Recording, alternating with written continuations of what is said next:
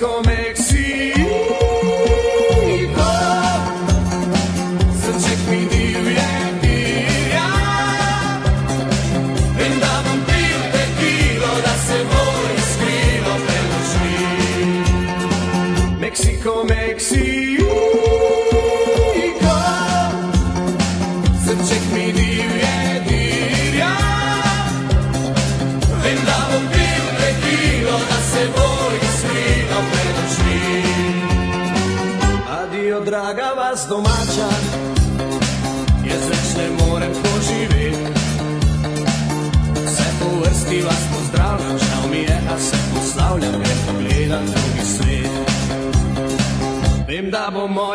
klezno, a kupil ji bom prstan zlat.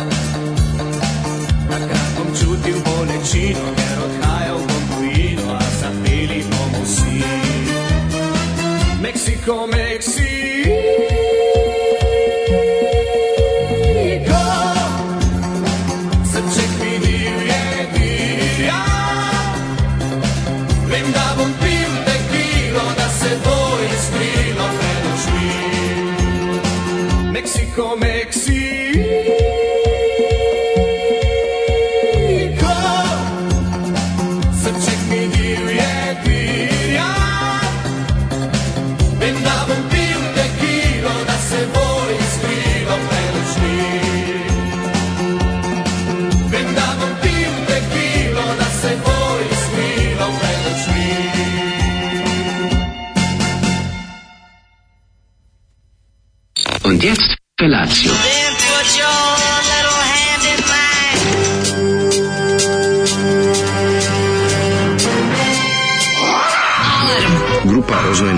mladića trči po studenom vazduhu pre zore. Alarm! A ima da kane, nema problema. Svakog radnog jutra, od 7 do 10. Hajde, Geri, jako se velda! Nema da prska, nema da prska!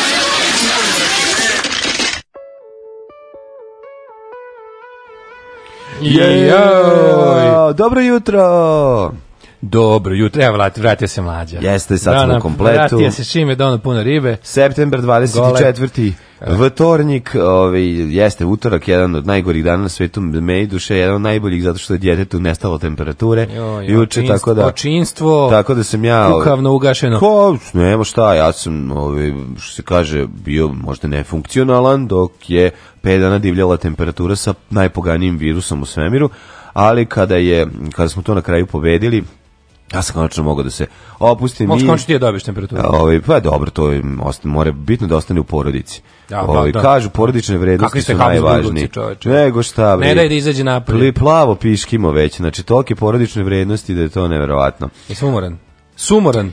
Pa, mogu ti reći jesam, ali to je jedno... Izdržiš danas i sutra. To pa. je, pa da, i onda ću morati živim da u Berlin i u Dortmund, mislim, baš mi je skenj što moram ne da te napustim. Ne brini na nas, ja ne brini za nas jadnike koji ovdje ginemo po ovim mokrim jutrima, smrdljivim crknu. Hoću samo jednu stvar da ti kažem, da ne misliš da ti nisam ništa kupio za rođen, zašto ti bio u nedelju, o, mišta, nego da. sam stani da ti odmah kažem, nego sam isplanirao da ti jer rođendan kupim, za ti poklon kupim u Berlinu. E, to ti je dobra ideja. Jer je to, to ti je najbolja ideja. Jer kad neko dolazi iz inostranstva, da ste svi zajedno... Ja se Mauer da ste... Park ima taj enciga što prodaje. Da, ja se nadam da ste sam uzeli onaj, onaj teži prtljak da možda mi donese što sve silno da što ćeš mi kupiti. Nemoj ništa da brineš. To što mu ovaj, to silno ovaj, će vratno biti plastično i moći ćeš na iglu da ga turiš. Uhu! Već ovaj, kako to nalaži za poveda. Da, baš te briga. Znači ti ćeš da uživaš još i, i četvrtak i petak, a popularni Đorđeto i ja ćemo da ovde ovaj, ostanemo zarobljeni. Đorđeto razvaljuje. Sve kakav veliki profesionalac. Planiram da ga uposlim bar jednom nedeljno da me zameni. To si lepo smisla će biti super, a ove ovaj, Đurđetu lepo, meni lepo i tebi lepo. Ja, što svima lepo. Šta ti fali? Ove, ovaj, kaže, koji hit lepte jebo da se napravi playlista za Olijeve hitova, molim vas, skinu bih i da puštam po žurkama, mm -hmm. što drugima da bude bolje. Pa jeste, da, upravo si.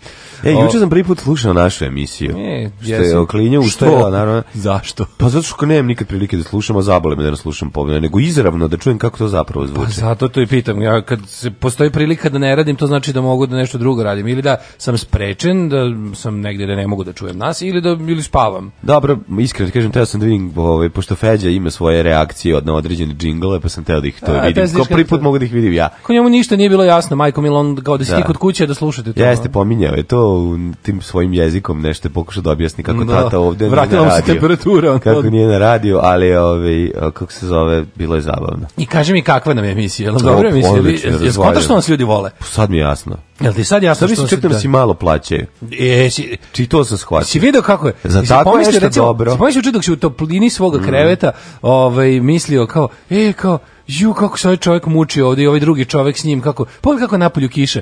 si te da uplatiš Patreon recimo Ma kako ne ti krenula ruka jo, sama uplatio nam ja ti krenula ruka sama bilo, da bilo nam bilo nas je žao bilo nam nas je žao ja to ja uplatio i nije ga žao nije ga žao čekaj žena, žena i nije ga žao i nema srce idemo je se izvinjavam izvinjavam se Ovaj e a oduševljenje nepodeljeno oduševljenje tvojim povratkom. Hvala divni ste ljudi. na svih 50 poruka koje su već stigle. Kako ih volim. Ove, ovaj, to su moji fanovi, to da. su moji najlonaši, to su moji ljudi koji poznaju sirotinju i poštuju je.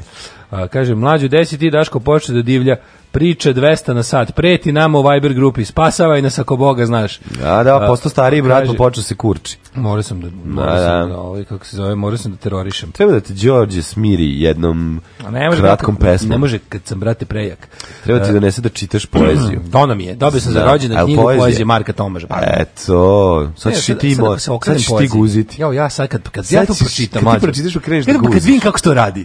Kad ja pročitam knjigu poezije, pa kad vidim kako to pravi. Kad ja, znaš, što bi rekao Dikama manažer, da. E, trebaju nam samo vaše knjige. znaš, kad kaže ovome, e, nama samo treba, vi ste, mi smo čuli za vas, vi ste pisac, pisac, trebaju nam vaše knjige. Mi hoćemo, samo nama trebaju vaše knjige. E, kad ja uzmem to i kad izučim. Kad izučim. A, ovo kad krenem. A, kad kreneš da je bendišeš. E, pa to će kaži, biti ludilo. Vratile se sise u selo. Juče neko rekao da, da je emisija bez tebe kao selo bez sisa Hvala. i kao žena bez crkve. Divni ste, divni ste. Ove, ovaj, kaže, mislite da je malo? Može to i manje. pa onda ovako, ovaj, e, kaže ovako. E, pa čega ćemo Daško kupiti krompir? mlađa, jedan je daš i mlađa, e, pa onda ako možeš Zoli, momo Doli, mm -hmm. e, uzmite neki tup predmet, presudite Zoli, hvala Zoli, ubaci mi ovo govno uho. Dobro jutro. Uh, kaže, ju, pa ono pre nije bio Zoli, evo tek sad je Zoli. Jeste, mm. slušali smo grupu uh, Pop Design i s albuma Slava Vojvodine Krajinske. Tako je. Ćemo slušati, ovaj, sad slušamo, a možemo malo, ajdeš malo pivamo instrumentala, hoćete da sam da pričamo o Zoli o meksičkom razvoju. A, pa može, zato što... O, ovaj, kaže... Zašto Zoli pustio meksičku pesmu? Ljudi verovatno ne znaju, ali ovi Zoli je ceo svoj život potajno sanja o Meksiku. Ja to ne znam. Ima, je, pa zato što ima jednu ovaj, fototapetu u stanu što mu je ovaj, um, ostalo od oca koji je da, da, da, ne da. zna se ko ni šta, ali najverovatnije da radi u papir servisu i doneo mu ovaj, sa jednog od tih ovaj, svog radnog mesta fototapetu sa slikom uh, Meksika. A, Meksičke da, da, obale da, da piše eh, Me Meksiko i ovi ovaj, No, pa, stvari kako se pravi Meksiko? Slikaš bilo šta i proučiš kroz žuti filter. A nije baš. Je tako se slika Meksiko. Imaju oni obalu i sve. Pa imaju ali žuto, baš, sve žuto. Sve žuto, da. Meksiko sve žuto narandžasto. A kao klinac je ovaj sa majkom gledao jedan dan života i majka je dugo plakala. I slušaj majko je, moju pjesmu a ovaj, i da. sutra mi sude zbog ljubavi lude. Jer ja sutra neću da sve to umreću mladi, već kako ide Jest. hit i nekako njegov život je, ve, mislim, maštao me, ja počeo da plače, evo sedio ovde na, da. na trosedu i pustio je suzu. A ja imam najgoru vest jutra, komši drpili bicikl jutro dolaze, znaš kako mi žao bilo. Gde ti ostavljaš? Znači dolazi čovjek, kaže, nije, nije bio tu par dana, nešto još od vikenda i dolazi, kaže, nema mi bajsa isto ko je ja čovjek tu ne zaključava, drži se, kaže, pa nekoliko dana je bio odsutan i on je njegov, pa nisi, svako jutro se vidim, to nam je ritual. Komši ja se vidimo, ja ulazim, ulazim, on da. izlazi, on njegov da, zeleni da, da, bajs, više nećemo sretati.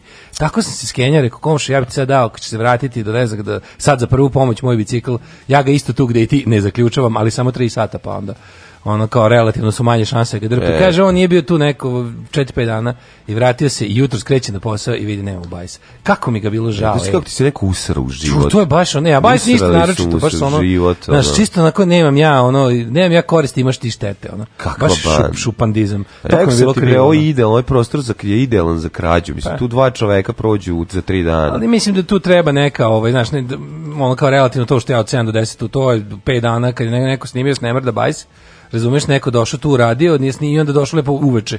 da radi, da, da radi tebi. na miru. Ono. Snimit će se tvoj nemrde 30 sata, pa da, ćeš plakat sa komšom. Za ključ da ovaj ga. Ustane. Ne, izgubio sam ključ od onog već. Više ne znam, već, više ne znam gde je ključ od onog, od onog lanca stoji za ukras. Ovaj dobro jutro, momci. Može čestitka za jednu Dunju koja je danas puni 12 godina. Draga Dunja, srećnih tih svih 12 godina. Srećnih. 12 godina je najlepše. Ja kad sam imao 12 godina sam bio šesti razred, to je bio najbolji razred u celoj osnovi. Tako je. Znači, da šesti nekako najlaganica. Da živiš 10 puta još toliko, dakle, da Jeste. da bude 120 godina. Kaže, čuće nas na putu od škole uh, do kuće. Ajde, sre, srećni Vole rođendan. mama i tata. I evo. Daško i mlađa te vole. I volete i mama Nataša i ovaj, tata ne znam kako se zove, ali volete Daško i mlađa. E, pa evo još, još, ju, još mi čestitavaju rođen čovjek. Rici odjeci mog rođena traju već dva dana. Šta si radio u nedelju? Kako si proveo rođen? Po, e, bio sam poznat. E, bio sam poznat u Beogradu, ali sam kasno saznao da sam bio poznat. Zašto? Javili su mi da sam bio poznat u Beogradskom DM-u, gde sam se za rođendan častio jednom skupom kupkom za kupanje od 500 čak dinara. No, Ove, ovaj, I bio sam poznat, međutim, i ja sam joj čapelovo ponovo ovaj, na ljude, da kad god smo negde poznati, da nam uvek priđu. Tako jer je. nama je to kao plata, a često i jedina plata. Tako je. Mislim, mogu i nešto da daju u tom, tom prilikom. Jeste, a kaži mi, ove, ovaj, kesu, za ti nemaš, mislim, izvinjam se što pitam, ali koliko se jaćem, ti nemaš ovu, Skupu ti imaš kadu.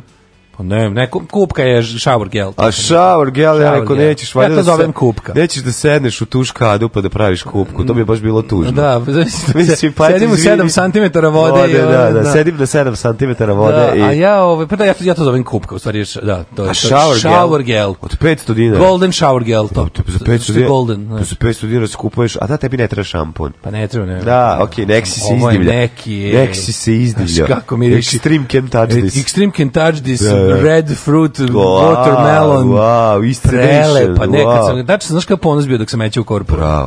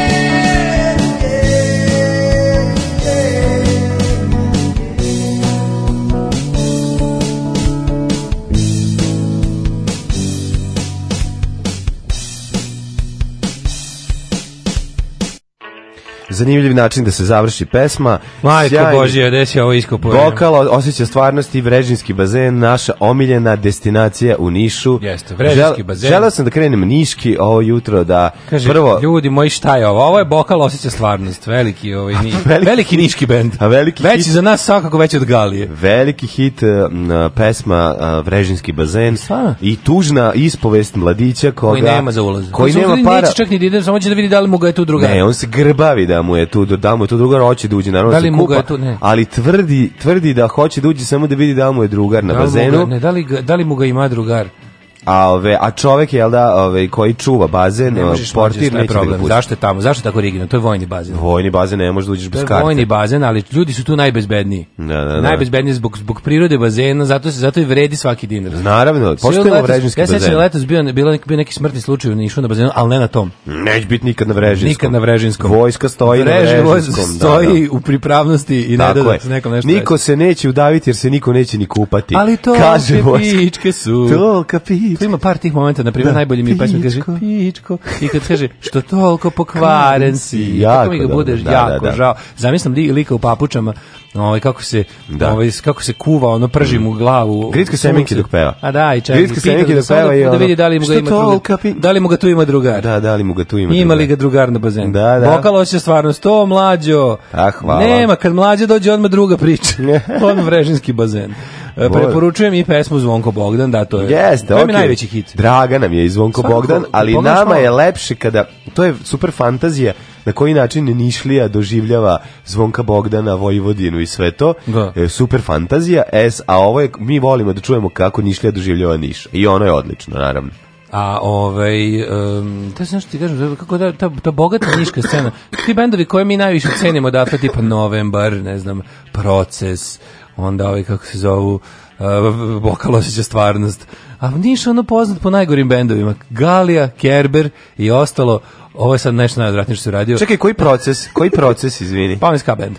Aha, ja rekao, ne misliš možda proces i to. Aha, Mislim da svaki grad na svetu ima, ima band, band proces. proces da, da. Mislim da bi morao da biram koliko je... Mislim da čak i stara Pazova imala band da, proces. Da, ima Subotica proces, Novi Sad da, imala da, da. proces, da. ima proces iz Niša. Samo, samo iz Srbije znam pet procesa, mm -hmm. a mislim da postoji ono i bio neki Kafka proces band, pa je bio... Mm -hmm. Znači, bilo, te e, sećaš Total proces? Kako se neću sećati Total procesa? total Nažalost, pokojni Buži ove, ovaj, da. svirao gitaru, da... Ovi, ovaj, Kaže da bi neko tim tužnim glasom, kaže pičko, tim cvilićim glasom, pustio bi ga u trezor Narodne banke, a ne na bazen. Svirali smo nekoliko puta zajedno. Da. Ju, kaže, tamo važi apartheid. Kaže, narator Stvarno? na Vrežinskom bazenu je mali ciga, pošto na Vrežinskom ne puštaju Rom. Nemoguće, bre. To bi, to bi bilo sramotno. Aha, to bi bilo to sramotno za vojsku niš. Srbije. Ne, ne, ne, to bi bilo sramotno za vojsku Srbije, to vojni bazen, vojni obekat, bre. Da. Ako je tako, onda ni ja ja želim da verujem da to da to ovaj da, da to, to nije da tako. Da to tog dana samo taj što naplaćuje ulaznice bio neki rasista. Ne, nego bio krivo i nozi. To nije zvanična politika Vrežinskog bazena. I mislim da te pitam kako si proveo, ono proveo si se ko bospitanju. Kako, znaš, katastrofa kad dete 5 dana ima temperaturu i ne možeš da ga spustiš ono ispod 38 sa 2 i 3, onda ono čovjek izludi što od nespavanja, što od nerviranja, ali kad mu je pala temperatura, onda sam i kakio posle tri dana, tako da, eto, to je bilo važno. Ti roditeljsku brigu izražavao zatvorom? Pa zatvor, pa zatvorio sam se kao kornjača, da, da ali da. sam se onda... ovi... Ovaj, zatvorio si se u sebe, da tako, pa, da, da, povukao si se u sebe. sam se u sebe, a onda sam se ovaj, onako rastočio ali dobro, bitno je da smo to rešili, uh mhm. -huh. a ovaj, onda sam ja da, malo preuzeo na sebe, vidiš, imam sa svoj hrapavi seksi glas, mm. ćao svima, ćao šta radite, ćao, ćao vačke, ćao. Ćamačić i tako dalje. Ćamačić. Ovi. Ali nisi nigde mrdao, Jo, sad sam, kad sam rekao Ćao Mačići, setio sam se najboljeg, odnosno slash najgoreg muvanja u svom životu kom sam prisustuo. Ime čoveka oh. neću reći. Uh. Samo ću reći da je bilo 95. A 95. Da ne, nema tako stanje. Da bio, 95. se nije moglo muvati. Da je bio, nije on kriv.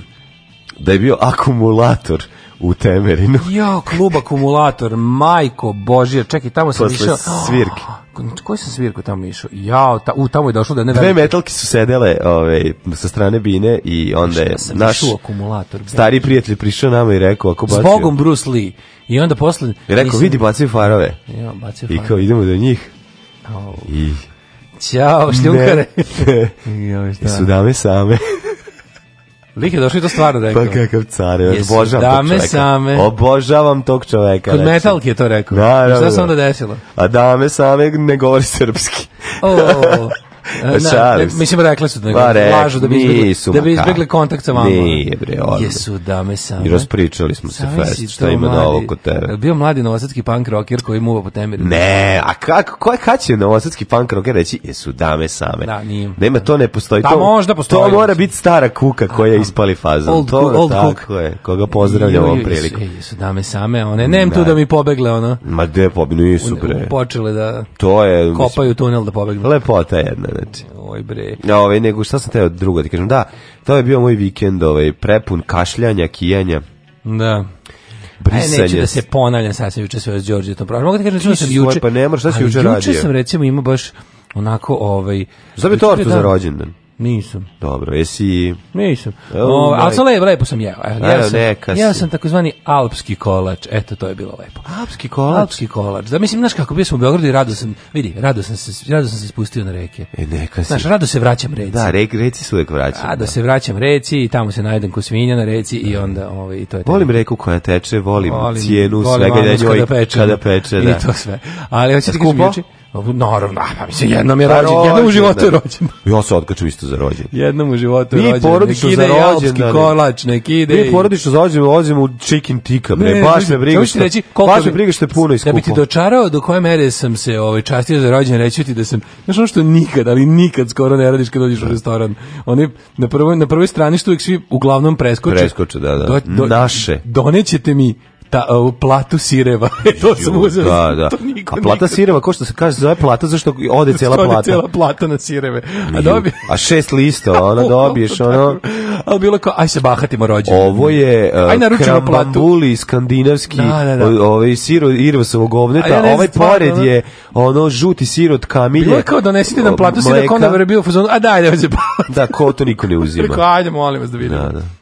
Ko što to seći? Kaže, like, radimo ovde 12 godina, još nisam video šta je to. Da, da. Kao, ajte, baš me zanima. Molim se, uzmite ovo. uzmite da šta je. Da Pita ljude da li mogu da uzmu ovo. Kao, uzmite da vidim šta je, znači, onda to tako. Da, da, da. Eto, po tome sam znao da je rođeno, da nije običan neki odlazak u restoran. Mi za rođeno se izdivljamo, pa mi za rođeno se nekad izdivljamo, odem i u projekt 2 No, a tamo, kad te kad te e, de, to ne može, dekantiraju. To ne može, na, to, za to mora da ide nešto tipa venčanje, ali ne može to godišnji praznik, razumeš? Pa je, to da, znači da možemo svake godine otići u projekt 72, Dobro, ipak, a svaki. ipak ne možemo. Miksamo sa drugim skupim restoranima, Zato ti kažem skupim. da je tako, odlazak u projekat ipak u nekim stvarima koje su tipa U pravu si jednom diplomiranje, jednom je nešto što je venčanje, diplomiranje. jednom u tri godine. Ono da uspešno prevaziđe na maligna bolest i ostalo. Inače, ovaj inače ne. Dobro, tu se to delimo na ove znaš kako to, ja to čak te restorane i ne delim po kvalitetu hrane. Samo po skupoći? Ne, po iritantnosti konobara. O, pa to ide zajedno. To ide, to ide zajedno. Ako je... Konobari koji rade skupinu restoranima, njima tamo objasni gazda, vi morate da budete užasno. Ne, nego oni, ovaj, ne objasni njima gazda, im to je postoji ta, da sami postoji ta, taj pa nije nego postoji ta pravila koja mene posebno još nerviraju. Da te kao napravi budalom, kao ti ne znaš ništa. Kao, ovaj, nije, nije, o, si pogrešno shvatio, nije to njegov posao. Njegov posao je da tebi bude jako prijatno. Ali ljudi, to je grozno. Ljudi koji dolazi tu imaju para, navodno očekuju od konobara da mu bude da mu igra znači, da mu se da, da da da da ono da da cepa breakdance pored Dobar, da, njega. Ja to, ono, A ja to znači ono kao nemoj jer koji znači, ne sam ću dosuti, da znači to sve. Ja sam u fazonu, ja sam dovoljno srećan što neću pod A kuvati i pod B prati sudove. Pa što sve ja ostalo je nemoj da me gledaš dok jedem. Da, nemoj. Ja da odmah odmah bi uh, uh, odmah mislim da će neko da će sve u redu. Da, sve u pa redu. To su uveli skoro, to to je bilo samo u finim restoranima do pre par godina, onda neko uveo to u sve. To neko znači samo što u meku ne dođe to su pravila, uče, mislim, Ma, znaš kad dođu ljudi sa strane, ne. Da. malo onako kako bi ko, ljudi koji su navikli na, na tako tačno znaš, uz određenu cenu svega i izgled restorana ide i određeni kvalitet usluge. Ne, ali kažem ti da su ja baš volim živo kad mi dođe bradonja ono sa keceljom vezano kaže danas imamo to to to i to pukni ispred mene Da. Znaš ko oni... Na, napisao hemičkom na papiru na kvadratu. Onaj tamo kod grafita. Pa da. Kad sedeš, bre, uđeš unutra, ono, ono dvorište njegovo, ono sve miriše na zapršku, viš da je napravio neko ludilo.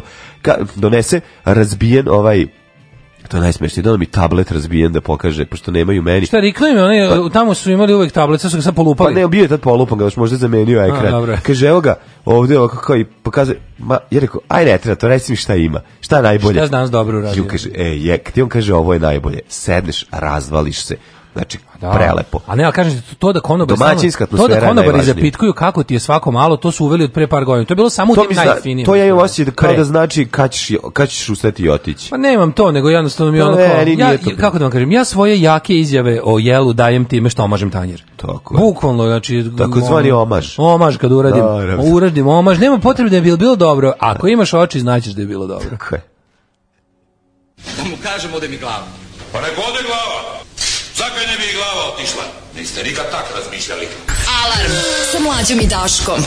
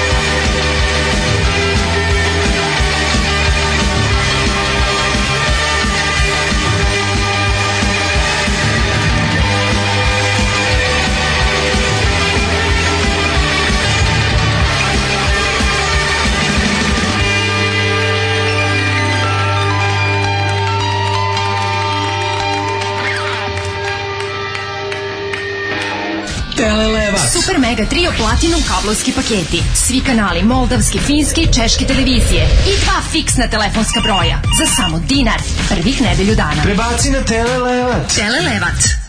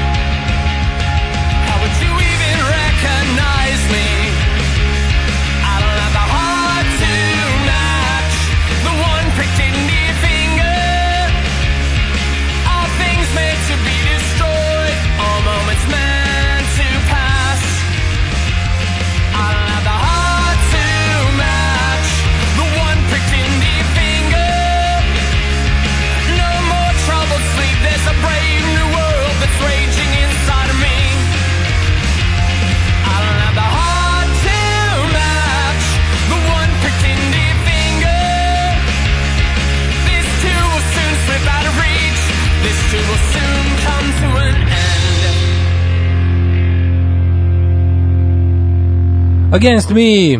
Da, pre toga Libertines. Jeste, pre toga Libertines. Viš ti kako sam. Back into the mhm. sun. Jeste dve lepe pesme po dva i po minuta. Posjetio sam, ovaj, posjetio sam Mikiv folder, bit će tu zanimljivih stvari. Jeste.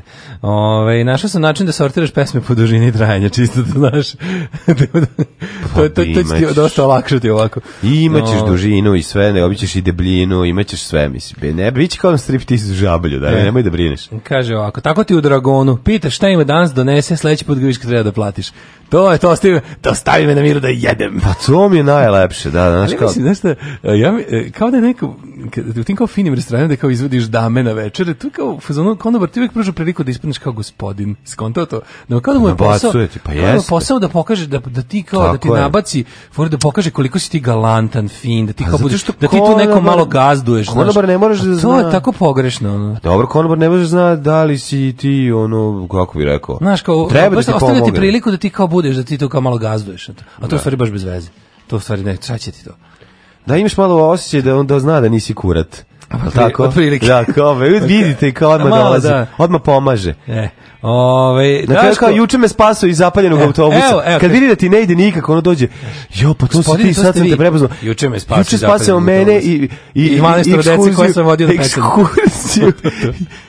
I ova kaže, dobro, da Ekskurziju nezbrinute dece. Ekskurziju nezbrinute dece, da, da. Koju Željko Mitrović lažno poslao na more. Ej, Daško, ženio sam se srećen ti rođen, sad dolazim k sebi, danski basista. Danski Bravo. basista nam je dao 100 danskih kruna. Pa što ti koliko to puno para? 10 e, evra.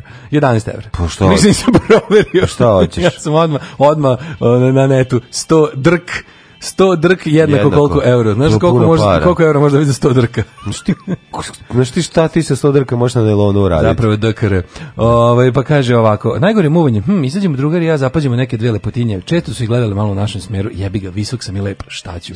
Kažem ja njemu, ajmo, a on se uplaši, kaže nisam pripremio priču.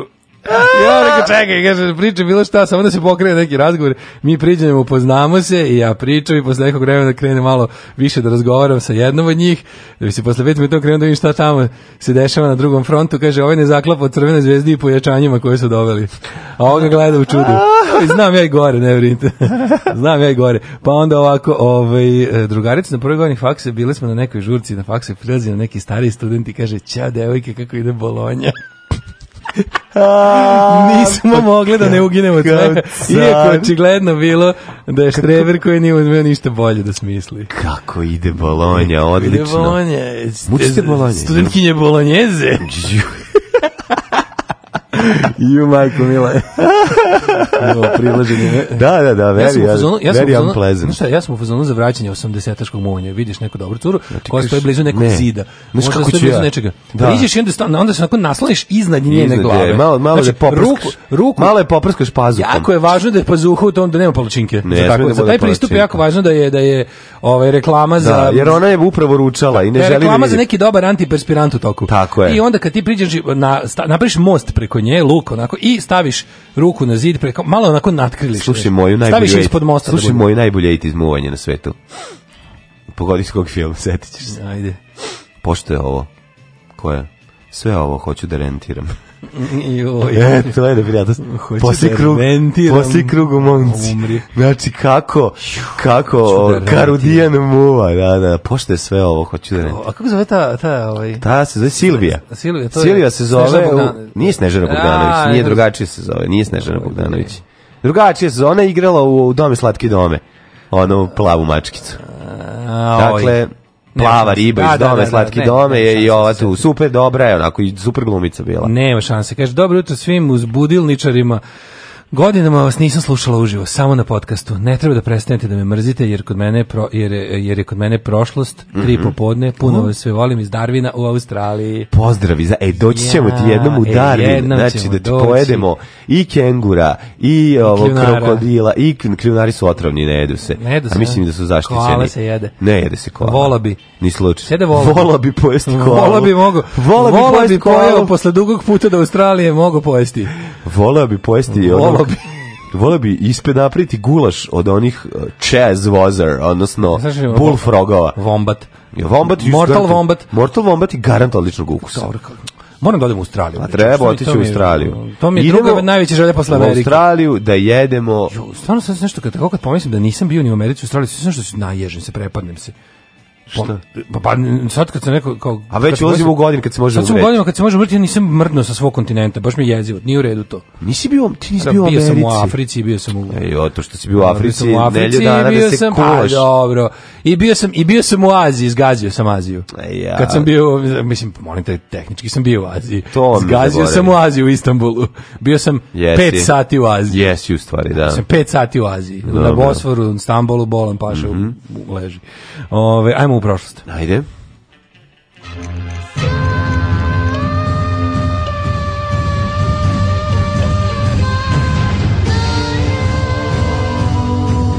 Dogodilo se na današnji dan.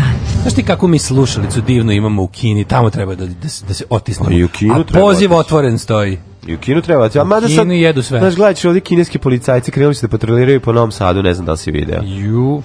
Krenuo je ovaj projekat A1 i 2, ovaj Jackie Chan znači, sa ekipom. Pa to je baš jezivo. Pa to je baš ono, da, to je. Bukvalno. Mogu samo jednu stvar da kažem vezano za to. Strani policajci go home ono. 1914. godine jedan od uslova je bio da ovde vršlja austrijska policija. Tako to je. nismo prihvatili počeo rat. Pa počeo A sad mirnodopsko da nam dođe policija najgore totalitarne države da, na svetu da puštamo. ovde šilji kurac na Tako nama, je. mi to dopuštamo. Pa gde vam je ono sada? Vešte bre ona. Gde vam je sad Gavrilo Princip? Gde vam je sad Gavrilo Princip? Ne možemo, stvarno šta ima bre tuđa policija da vršlja ovdje? Nema šta da pušta. A kao možda će i naša ići u kinu. U, znači, baš lepo ono.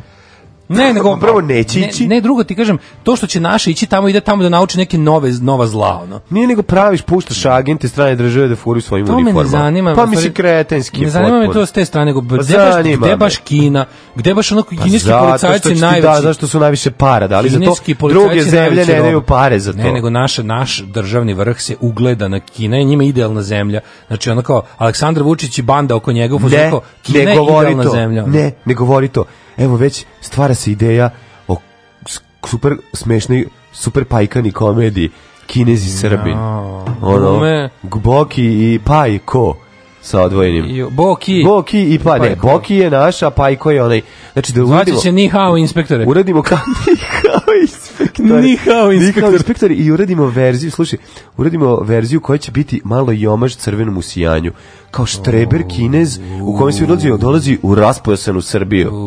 A ne, može... tu kreće, tu kreće hiljadu komičnih situacija. Da, da, da, nismo Mislim, nekako... biće urnebesna komedija. Da, da, da, i onda gleda. Se dopada? Pa da, može, bude baš biće dobro. Biće odlično, kako ne? Može, baš, je baš je sve za 95. Pa da, da, da. 1706. Švedski i Saksonije sklopile miru Altronštan. Stani, bre, ne možeš 622. si prešao preko nje. Nemam.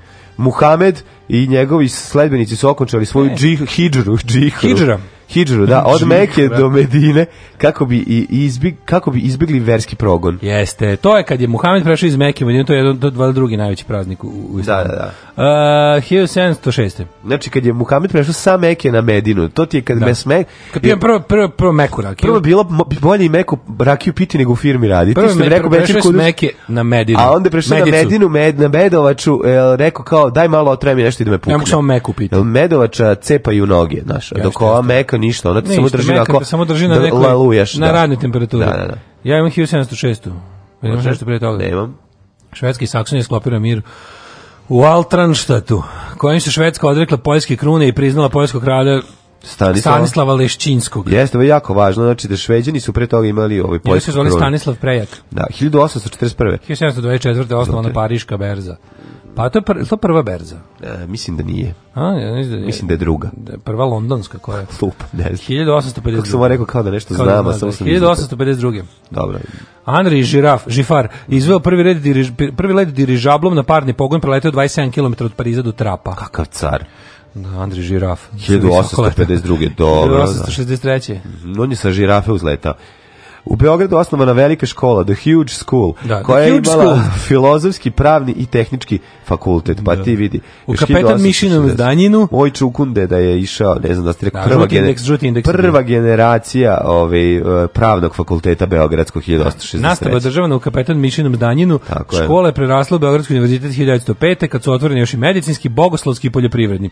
Ja, bilo mi jako smiješno, juče sam gledao kako se žali lik sa, sa Bogoslovskog fakulteta kao kako kako je kao jako opalo interesovanje kao problem kao problem je nedostatak vere je opalo u našoj se mislim kao fala Bogu da vidim vas kako zatvarate vaše butike. Ono. A, zatvorit će malo Nema sutra. veze. Zatvorit će Facebook i ono YouTube da, da što manje ljudi vidiš bilo šta. Drago mi je, drago mi je kako se žali da sve manje ljudi upisuju to da, Počnite nešto da radite. Da, imate zemlje, pa obrađujte. Imate svega, imate zemlje, imate zgrade. Da, da, obrađujte. E, dok vam ne uzmemo. 1868. U Subotici je osnovana gradska muzička škola, prva muzička škola na području današnje Srbije. Bravo! E, vidiš ti Subotica? Subotičani nisu, Prvi su napravili muzičku školu, solfeđu nećeš? Da pa da, uradi to tada nije bila Srbija, tako da... E, da, na području današnje. Da, današnje. Da, da, A zato je da- bilo i moguće, da, u to vrijeme... Pa naravno. 1915. Francuske i Velike Britanije u Prvom svjetskom ratu otvorile Solonski front, na kojem su upućene snage sa fronta u Galipolju. Tako je. Nakon fenomenalnog provoda... Pitaj taru. Nakon fenomenalnog pro, provoda na Galipolju odlučili su da... Ovaj, Razređene trupe su do Galipolja koje je ono Winston Churchill pa tako, svaki šesti tako hrabro slao na nemačke mitraljeze, ovaj, naročito australijance, pa onda i sve ostale. To je genijalno. A čekaj, na tom Solonskom frontu je bilo... Tu nisu poslali kući malo ove australijance posle. Nije bilo na Solonskom frontu australijance novaca. Da nisu verovatno. Tu su Novi, Novi Zeland i Australija su posle toga poslali kući jer su ono kao baš. To što je ostalo od njih. To što je ostalo. Pa tu ja da. mislim kažu da je svaki šesti preživio. Pa moguće. E, pa onda ovako, 41. Uh, e, vlade 15 zemalja, među kojima je vlada Kraljevine Jugoslavije, izbjegli su, potpisali su konferenciju u Londonu, Atlantsku povelju. Bravo. Uh, u povelju 8 tačaka 14. augusta proklavali su predsjednik SAD Roosevelt i britanski premijer Churchill kao politički program saveznika u borbi protiv uh, sila osovine u drugom svetskom ratu. Mm Taj dokument kasnije poslužio kao osnov povelju Ujedinjenih nacija. Jeste.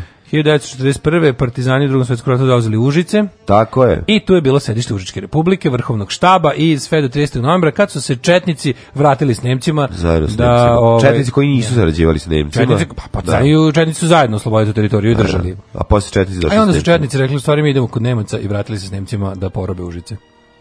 To je bila prva uh, slobodna te koju kontrolisao jedan pokret otpora u uporabljenoj Evropi. 1960. u Newportu porinut Enterprise, prvi američki nosač aviona na atomski pogon. Da. Znaš da ne mogu da ga zaustavi i dalje ide u krug. I dalje, znači, sta, brate, lud je. Lud je, znači. Um, uh, on je, ja mislim, penzionisan. Jel jeste? Ja mislim da jeste. Da je to na klasa kad su, kad su Enterprise Hornet i oni veliki neki koji su tamo negde krajem. U stvari sredinom 90. U stvari negde. On u San Francisco, u, u, kod ovaj, u... Ja sam neka severna Kalifornija. Tu negde, u, neki, neki, da neki Bay Area. Tamo je kao Tamo je, to su muzeji, to, to su da. sad veliki muzeji avijacije, imaš njima. Uđiš na njega, možeš da Slučajno znam sad o tome jer jedan, jedan moj on kao poznanik koji tamo je gazda jedne jako dobre izdavačke kuće, pravi veliki nekog Rusiji. Ne, pravi čuva. veliki festival, uh, punk festival koji se zove Rock the Ship i na palubi penzionisanog nosača aviona će biti ogromni punk festival na kojem sviraju svi moji tvoji omiljeni bendovi. Ja. Znači, CJ Ramon, Cox Parer, Stray Dogs, wow. uh, kako se zovu, Subhumans, ovako veliki punk festival na palubi ovaj, penzionisanog USS Horneta, a stoje na njemu, inače, pošto je muzej, e, stoje i ovi avioni koji se takođe više ne koriste. Uglavnom, oni Tomketi kao u Top Gunu. Ma ne, kako ja vozim, kako to znaš koncert na tome, kako, kako, to, kako to dobro provode. Pa dobro, Kako ja bih malo to? tu promešao bendove, ali da. A ima to, to ti rekao, samo ima četiri dana, ovo ste nabrali samo tri bende iz jednog dana. Dobro. Ima baš za sve, za sve punkere po nešto. 1971. Mm -hmm. Britanska vlada protrela 90 sovjetskih diplomata zbog špionaže. Aha. To je tako neverovatno da kao proteraš diplomate. Pa da. mislim, čim si ih pustio, znaš šta očekuješ da rade, ono. A dobro, nemojte baš da idete i fotografišete non stop i da ovaj, da, bacate uši, bacate uši na sto dok pričamo. Baš ne preterujte. Da. Nemoj svuda, nemoj svuda u svaki zid stajati s čašom. Znaš zašto morate reći? Zato što um, prisluškivanje 71. nije bilo tako sofisticirano kao danas. A bila je sta čaša u da zidu. Ono, ono, čaša, bre, ono, zalepi, ono, nešto, Rus pored tebe. Rus svuda ide sa ono velikim ruksakom na leđima. Šta imaš unutra? Uh, to je uh, moj doručak. Aha. Zašto tvoj doručak? Zašto ti doručak? Zašto tvoj doručak gori? boje i zašto ti doručak i gori? I težak 200 kg. Da, da, da. I odašilje radio signal. Tako je. 1973. Unačot, unatoč prosvjedima Unačot. Unačot prosvjedima Portugala UN je priznao nezavisnost Gvineje Bisao. Aha. 86. Beogradski lice večernje novosti objavio memorandum Srpske akademije nauka i umetnosti. Večernje novosti. Večernje novosti koji je potom dobio medijski tretman srpskog nacionalnog programa i izazvao žestoke kritike u Srbiji, među drugim republikama bivše Jugoslavije, naročito u Hrvatskoj, strašne kritike, je izazvao tolike kritike da to sad trenutno nije ono i dalje načrtanije. Pa izazve kritike tamo, on kao ti koji su ga ti koji su ispravno ga kritikovali su da, se, se pa odlučili da se sklone od njega. Pa su se sklonili, a mi smo ostali da živimo. sklonili pod zemlju. Da, Kaže, mi ovaj. smo ostali da živimo u zemlji večernjih novosti. Ti znaš da je ovo naš, to je naš ono tajni, netajni program. 86. ti je kao ti kažem, to je onako To mislim, to je i dalje bre ono ono što to ni nisu to ni to 80-ih je počeo znači ono kad Tita više nije bilo počeli su ti nacionalizmi po jel, da. da ali naravno da je kako ti kažemo ova ekipa koja je bila okupljena oko budućeg ono vožda je tu već počela mislim to su sve sanovci to je da, to je da. ekipa ono matorih, Brašnja. pokvarenih, impotentnih mračnjaka koji su uvek bili pod uticajem Tamjana. Uvek su šnjofali Tamjan kad su rekli da se nije smelo, tajno su ga nabavljali i šmrkali. Da. Uh, pa onda ovako... No, znači, Tamjanovi Zelenkovi. Tamjani Zelenkovi, da. da. E, uh, 1980 i osme na olimpijskim igrama u Seulu kanadski sprinter Ben Johnson. Ej, Ben Johnson, a taj nas je ujeo za srce. Pa da, nije meni ujeo za srce nikad. Ti si za, ostao za Karl Luisovac. Ja sam uvijek bio Karl Luisovac. Da, znači, da, uvijek, da. znači, toliko sam bio za Karl Luisa. Ben Johnson, kad je, tačno sam ga, pa znači, namirisao sam ga Znači, znaš da, da, znaš da je narkoman. Da je Znaš da je narkoman. Znaš da je niko biti bolji od Karl Luisa. Ne može, da, da. da. Čim si bolji, znači da si ubrizgao droge. Ubrizgao nešto. Je dana kasnije utvrđeno da je bio pod uticajem dopinga, zato ponešnji, a Johnson oduzeta zlatna medalja. Kako je to bio skandal, majko Mila. Da, da. 90. završio se da, šahovski da, da. u Tilburgu. Mhm. Mm Pa onda 90. predsjednik zapadne Nemačke Richard von Weizsäcker potpisao sporazum kojim će 3. oktobra 90. dve nemačke države ponovo biti ujedinjene. Mm -hmm. 90. Ovo je Nemačko, iz dva dela. Ovo je Nemačko iz dva dela, ponovo ćeš biti, biti cijela. 90. istočna Nemačka formula napustila. Varšavski pakt, ja sam mislio da je 90. već je raspušten, ali nije. Mm. Uh, pa onda ovako, 93. Kralj Norodom Sihanuk ponovo preuzeo kambođanski presto. Viš, zašto smo to tako pre, prešli preko toga lako? A da, zato što sam tada skoro umro od glavi. Da, 93. nismo baš mogli se bavimo Kambođom jer smo bili zauzeti da, praznim. Mi sami bili ona. Da, jer smo bili kambođa, evropska Kambuđa. Tako, Kambuđa, u to vreme. Kambuđa. u to vreme. 96. SAD, Rusija, Kina, Velika Britanija i Francuska potpisale dokument o zabrani nuklearnih proba. 1990. Znači, samo nuklearne svirke će se raditi. nema više znači, nema više nuklearnih proba. To, uopšte nema više nuklearnih proba. Znači, Odmah nuklearne Band izlazi i šta zna, zna. Šta ste navežbali, navežbali. Koliko imate godina? Pa 40, 40 e, e, godina svirate kur. E, idete, da izađete vi s peniso svirači. Sam misli, stvarno. Da vidimo šta znači. nuklearne kreće probe. Kreće avion, nosi bombu i kaže šta je bilo. Nismo, idemo nuklearne svirke. Imali, znaš koliko dugo nismo imali nuklearnu probu. Da, da. A nisam, nisam, mislim da sam zaboravio kako se baca nuklearna bomba. Uh, od 98. Mhm. Dan posle poziva u Enju jugoslovenskoj vladi kosovskoj albancima da prekinu sukobe, Savet NATO odobrio izdavanje akta upozorenja uz ograničenu akciju iz vazduha e, i za fazne vazdušne operacije na Kosovu. E, pa kaže ovako dve, e, 2000-te 2000-te na današnji dan Kuštunica pobedio na izborima, bili su izbori bili su izbori koje Slobodan Milošević pokušao da pokrade Međutim, Koštunica ga pobedio u prvom krugu s nekom tesnom većinom, ali u prvom krugu i onda je to bio jel početak kraja, Slobodan Milošević i režim nisu taj da priznaju to, e, proglasili su drugi krug, e onda je ono... Ljudi izašli na ulice i rekli... E, onda ljudima bilo prekučilo, valjda posle, posle 10 godina i e, 2001. E, George Bush naredio američkim finansijskim institucijama da zamrznu računa 27 grupa i pojedinaca za koje se sumnja da pomažu teroriste. Da. 27 grupa, uključujući i band Generaciju 5. Ove... Ovaj- Koji sami jesu muzički teroristi. Šta je šljunkare? Gdje ste to krenule? Šta je? Šta hoćete od nas? Bil volila da znaš? A, Fuksu, šta ti gledaš, jel?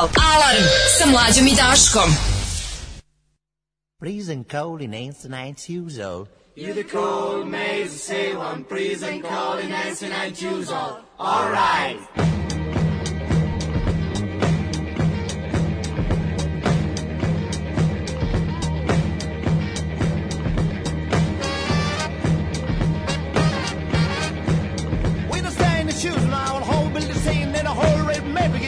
boss died.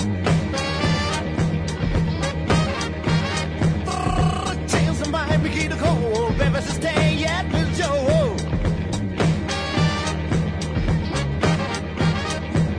With a stain in shoes, and I will hold me the same in a whole red maybe get the color boss died. Well, it's the same, I ain't gonna call me Steen. You never tell me, never judge a God, David's a sham. cover, not juice, not wine, but not soul, hope, hope, oh, but just getting out cover, no fine. All the differences stand, light the shoes to go, my man. You can trust to the mountains called the radio girls. Oh, something. Aye, aye.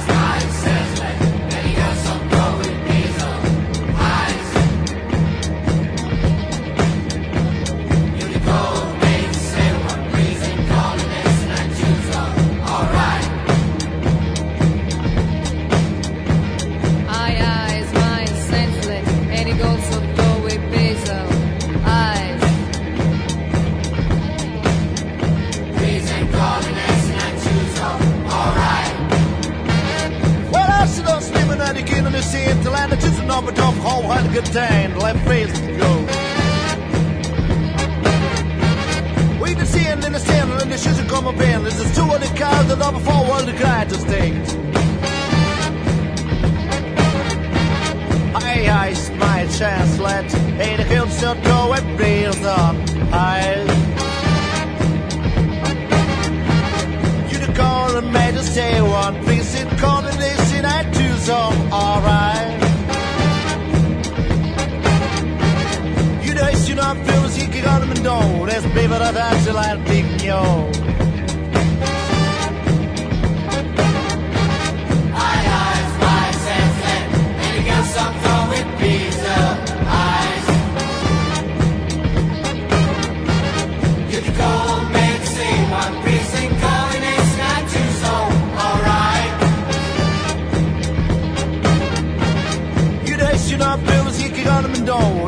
pero adesso l'ha il picnione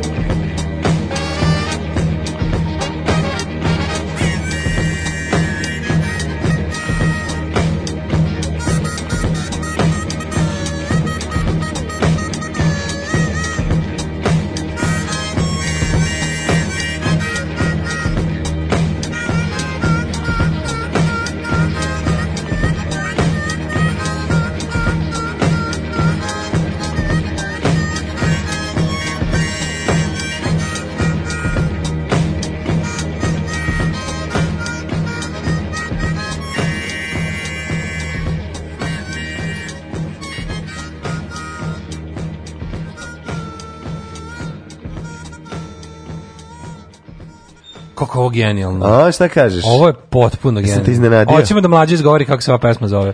Ne mogu da izgovorim. Prisian Nation, ne mogu. Kako je ovo genijalno, da, za one koji ne znaju, ovo je pesma je Adriano Celentano izveo, ni, nijednu, ako ste malo bolje slušali, videli ste da ovo sve lupetanje. Znači, ovo je ultimativna da. Scanderface pa, pesma. Fora jeste da se ne čuje na prvo, samo na prvo povremeno, razumete, all right i da. in time, ono kad kaže. A sve ostalo izmišljene Ostalo izmišljene američki. engleski koji, da. Američki jezik, engleski sa američkim da, akcentom. Da, izvinjam svoj američki. Pa, mislim, to je on ciljao. Ovo je Scanderface. Takozvani Scanderface jezik, ili Scanderface, kako se kaže. Pazi, on koji je onako ogromna pop, ono zvezda u to vreme da, da odradi ovako jedan eksperiment da lingvističko, artistički. Ovo je Scan the Face pozdrav za Deju. Jeste. Ove, to da je... A pesma se zapravo zove Prisenkolin. ne mogu. Da go, uh, fake English song. Fake English song. Znate kao fake English song. Adriana Čelitana fake English song. Jako Bravo slat. za Adriana. Adriana htio da objasni kako ove, je zapravo rock and roll jedan univerzalni jezik E, i preko čim... njega možeš da razgovaraš, iako tako, ne razum, razumeš čoveka, odlično se razumete. Jeste, on, to stvari, stvari naslušao se Dilana u to vreme koje je dosta... Da. Sve, pa da, pa da. da. I super je skidao, super imitirao, nego ja sam bio jednom isto Adriano Celetano, imao sam priliku da otpevam fake e, English song na, ovaj, na jednom koncertu gde je moj bend izvodio čuveni pesmu Baby Jane, pevač Zlatko Gostić nije bio tu ili ovaj se nije pojavio ili mislim čak nije nego da je on već mislim nas da, da se, otišao a mi smo ostali da sviramo bez njega. Zar se nije pojavio pa se vol, ne, pa pa ne. Od, održao svirku na, ba, na na šanku? Ne, nije, nije, nije, nije, nije, nije. bilo puno ranije. Ovo bilo tamo negde nekad 1990 sedme, osme. Mm -hmm. Kad, mene, si, ne, kad, mene nije bilo sramota da to radim. Jesi Skenderface? Nego šta, celu pesmu sam od, B, od cele, celog teksta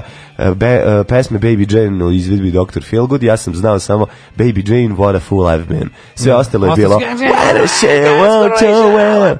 i što je jako zanimljivo, samo jedan čovjek u publici je umirao od smeha koji je znao tekst. Da. Ostatak ekipe su bili to Adriano Celetano, prži, udri, udri, mlađa, mlađano, urdarijano. Tako um, kaže, kada čujem jutarnji funk, znam da se vrati otac mladen. e, kad smo kod nuklearnih proba, Staka Bo dobio Emmy za Černobil. Mm -hmm, zaslužio. Dobro, pa onda kaže, će se snimiti policajac Pekinškog brda. Da brstina da mota nekog riđeg po Kini, kaže, Može. Vojnov da glumi Davida koji samo sedi kući i gleda kineske porniće. Ipak je otac mladim potomak Baba Zagorke, pa je najušio na vreme Bena Johnsona and his wrong pa doings. Da, vidi se, moje socijalne veštine su ovaj, nasleđene genetski. Um, pa kaže, prema popisu 31. Subotica je bila treći najveći grad u Kraljevini Jugoslavije, nakon Beograda i Zagreba. Da, da. Ovo leto, Nedeljica je bila nešto Ovo leto su u Hrvatskoj počeli da rade policajci iz Kine Predstavili su ih pre početak letnje sezone sa objašnjenjem da su oni tu zbog porasta broja kineskih turista. Pa mislim, kako to gluposti, ono? To su besmislice. E, napravite porast... Nećemo e, global, nastav... nećemo global police. Naprite porast nastavnika, šta ono, kineskog i... Šta ako stvarno, ako se ide ka tome? I, I da kinezi nauče srpski jezik i završi priču. A ako se ide ka kreiranju glo, global police force. Pa naravno. Šta global, global police force da bude kineska, u lepote. Pa morat će, ako će bude global, nego, će, nego šta nego će biti kineska, ko, koja će biti? Kad svaki ono četvrti stanovnik planeta zemlje Onda ćemo mi Tera Hawks, idemo sa braćom Đogani Marsijan i na Mars. Hoćemo da Miloš Biković glumi kineskog policajca. Može, zalepit ćemo... Pa, Došao brat Kines da nas uči kako se pravilno tlači. Može, ali jedino pod uslovom da Zdravko Šotra režira sve. Onda prigleda, zašto Zdravko Šotra, kako je stariji, sad ne radi ni ceo take, nego uradi pola take i kaže dobro je gotovo. Tako da u tom smislu prihvatam i ovaj a ja bi uradio Bikoviću ovaj odradio bi pretvorio bi ga u Kineza ako bi mi dozvolio. Uh, kljunar je otrovan. Selotep, ne selotep, ovaj, znaš kako se pravi kinez?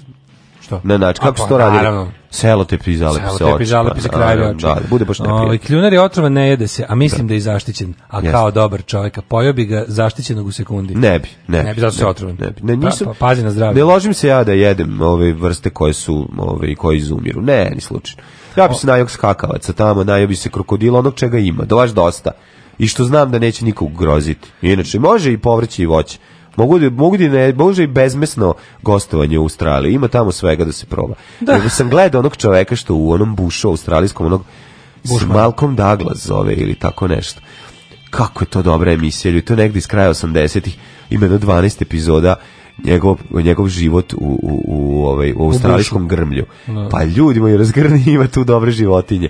Pa šta on tu sve nađe, šta on tu pripremi, ispeče. Paramandi, Baragandi, pripremi ovog, hoćeš, da znači, jako mi dobro, da Matorac, fantastičan, to je neki njihov, ono, Oh. Mešavina Branka Kockice i, i, i nekog um, Kako Memedović. mi je žao kad vas slušam kako radite tako mrtvi bolesni. Mlađa se davi u slinama. Pa da. da. A mi to zato što smo mi jako vredni ljudi i dobri. Pa da. 1583. je rođen Albrecht von Wallenstein, mm -hmm. češki vojskovođi i političar koji je bio komandant carske vojske tokom dijela 30-godišnjeg rata. E, jako važno čitati o Wallensteinu. Zašto? Zato što je tu bila, bio jedan jako interesantan ličnost. Meni je Wallenstein imate, jedno od najboljih imena u istoriji. Ako imaš vremena i to tiđi na Wikipedia Wikipediju i iščitaj sve, ne znam koliko piše na Wikipediji, ali ja sam o njemu čitao pripremajući ovaj, kupus sećam se da je to bila da je to bila opšta istorija sre, ne srednji ne ne ne ovaj novi vek jedan Novi vek 1. Novi vek 1. Jedan novi vek. E, novi vek 1. I sećam se da je bila ona, da, da, da, koliko taj čovjek bio bogat, šta je imao, malo bio onako i ekscentrik, pa to sve zajedno. Onako, Ali Valenštajn, kad se, kad se zove, kad se onako von Valenštajn, ne mora čak ni von, dosta samo Valenštajn, to je ime za večnost. Da. Znači kao, dobar dan, kako se zove Valenštajn? izvolite, stanite na čelo vojske. Da. Ali ja sam, ja imam 12 godina. Nema veze, da, zove se da, Valenštin, jebi ga, ono, s tobom ne možemo izgubiti. Da, da, da. Preko puta je neki, ono, kratkokurov. Možemo e, jebi ga, ono. Možemo li, prema, pre, možemo li, po, možemo po vama nazvati možemo problem, sve, apsolutno. radionicu sata, ne marku da, može. Da, ne, možete, znači, može kolač, može, može, sve, da, znaš da je Valenštajn torta dobra. Može fotografska oprema, može. Znaš da je Valenštajn torta dobra, znaš da je Valenštajn, ono, e, fotografska fotograf, oprema, uzeo bi sat Valenštajn. Ima, to je Valenštajn sat. Da, odlično je. Valenštajnov avionski motor, daj da, najjači, daj da, prvi mlazni. Daj da napravimo firmu Valenštajn. Pa, Dobra firma. Sve Valenštajn dobra. Sve živo, Valenštajn. Sve radimo, da. Bukvalno bi bilo šta Valenštajn kupio. Ko, bi kupio kosilicu Valenštajn. Odma. To je ime koje uliva poverenje. Ja bi kupio Valenštajn, Valenštajn. Kupio bi bilo Imamo šta. Imamo čak i Valenštajn. Stajsko đubrivo Valenštajn bi kupio pre nego ovaj neko neko drugo. E kakav si? Znači tebi raž, raži ti je Kad je pa Valenštajnsko pa govno. je ime. Jasno. Nego ruska torta. Prejako ime. Dobre su i ruski stvari kad imaju dobro ime, nemoj zezati. Kad imaju, da, ali ovo Valenštajn je to, tako ready made da ga stvarno sve zalepiš Slažim. i da sve prodaš. Bravo si. 1739. Mm -hmm. Rođen Grigori Apotemkin, ruski vojskovođe. Mm -hmm. Uh, 1806. Omer Paša Latas. Omer Paša Atlas. Atlas. 1882. Odličan, odličan roman ovaj, Ivandrića. Pročitati, 1882. Rođen Franjo Fancev, književnik i povjesničar. Mustafa Ismet i meni. I Neni, izvinjam se, turski nenu, državnik. To se piše Nenu. 1887. rođen Mihovil Pavlik Miškin, e, književnik. 1905. rođen... Čekaj, su Pavlika Miškina... Pavlika Miškina su... Su njega nešto... On je, on je, on je, su njega ovaj, streljali. streljali. Kako on pa moguće. 1896. E, F. Scott Fitzgerald, američki mhm. književnik. 1898. rođen Howard, Howard Flori, Flori. Ne, austrijski naučnik, pa onda mm -hmm. 1905. Pavle Bogatinčević, srpski glumac, kako slatko. Bogatinčević. Bogatinčević. Da, da, da, stvarno, mislim, kad si ovaj, Bogatinčević nekako sramota, nemaš para. Da. E, da li znaš ko je Konstantin Černjenko, ruski Znam, državnik, rođen 1911. A Zuko Džumhur? Jeste. Zu, Džumhur ide u sve. Zuko. Ne, Džumhur ide u sve. Zuko. Džumhur ide u sve. Zuko Džumhur, putopisac, slikar i karakterista. Sjajan čovek. Sjajan čovek, divan. Umetnički direktor filma, likovnik, da. kritičar, kostimograf, yes. slikar, karikaturista, pisac i humanista, prijatelj srpskog naroda. Da, da, da. Interesantna je njegova priča o tome kako ljudi zapravo nisu dobri, da su mu mnogo draži nedobri ljudi koji kontrolišu svoju zlobu, nego oni što tvrde da su jako dobri. 1940. rođen Slaven Zambata. Mm -hmm. Zambata, ali Zambata. Zambata zvuči Futbaler, kao... zvuči kao neki nigerijski centar. Da, da, da. Slaven Zambata. ne, to bi bio nadimak, zašto bio kao da, nigerijski. Nisi mogu proturiti loptu ne, kroz noge. Ne, loptu kroz noge, da. Linda McCartney, rođen 42. Aha. Supruga Polobljeva. Tako je. Uh, e, 53.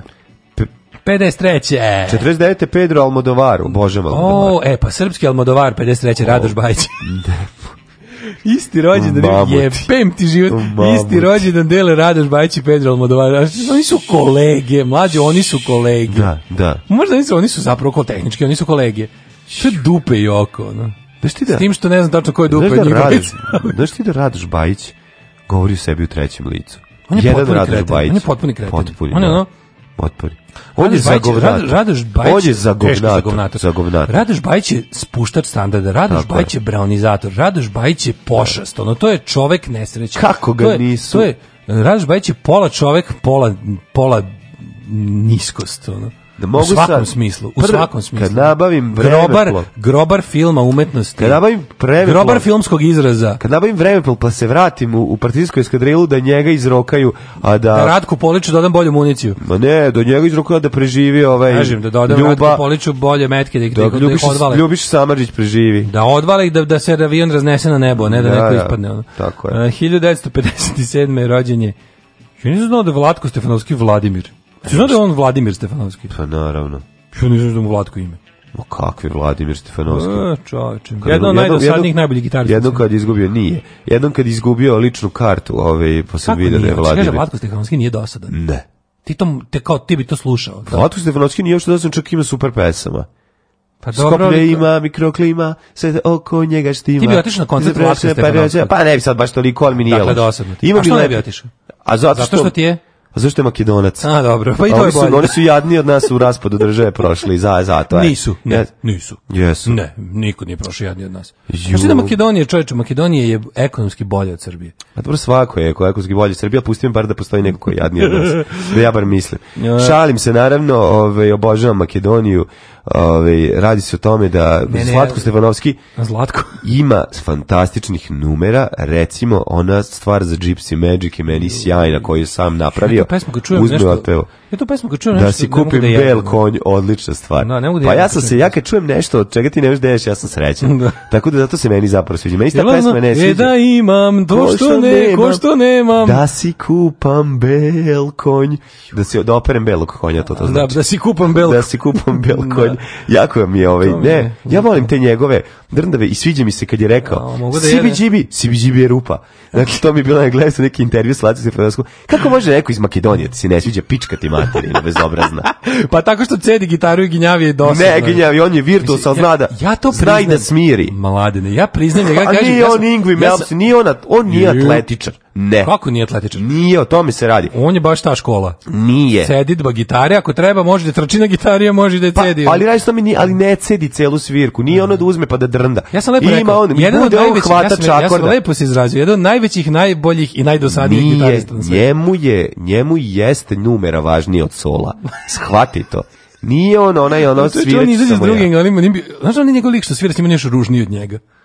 Pa naravno, onda koji bira pa, pa, pa bukvalno, a kako to teško naći ružnijeg? A pa nije on baš tako ružan. Pa dobro, nije baš tako lep.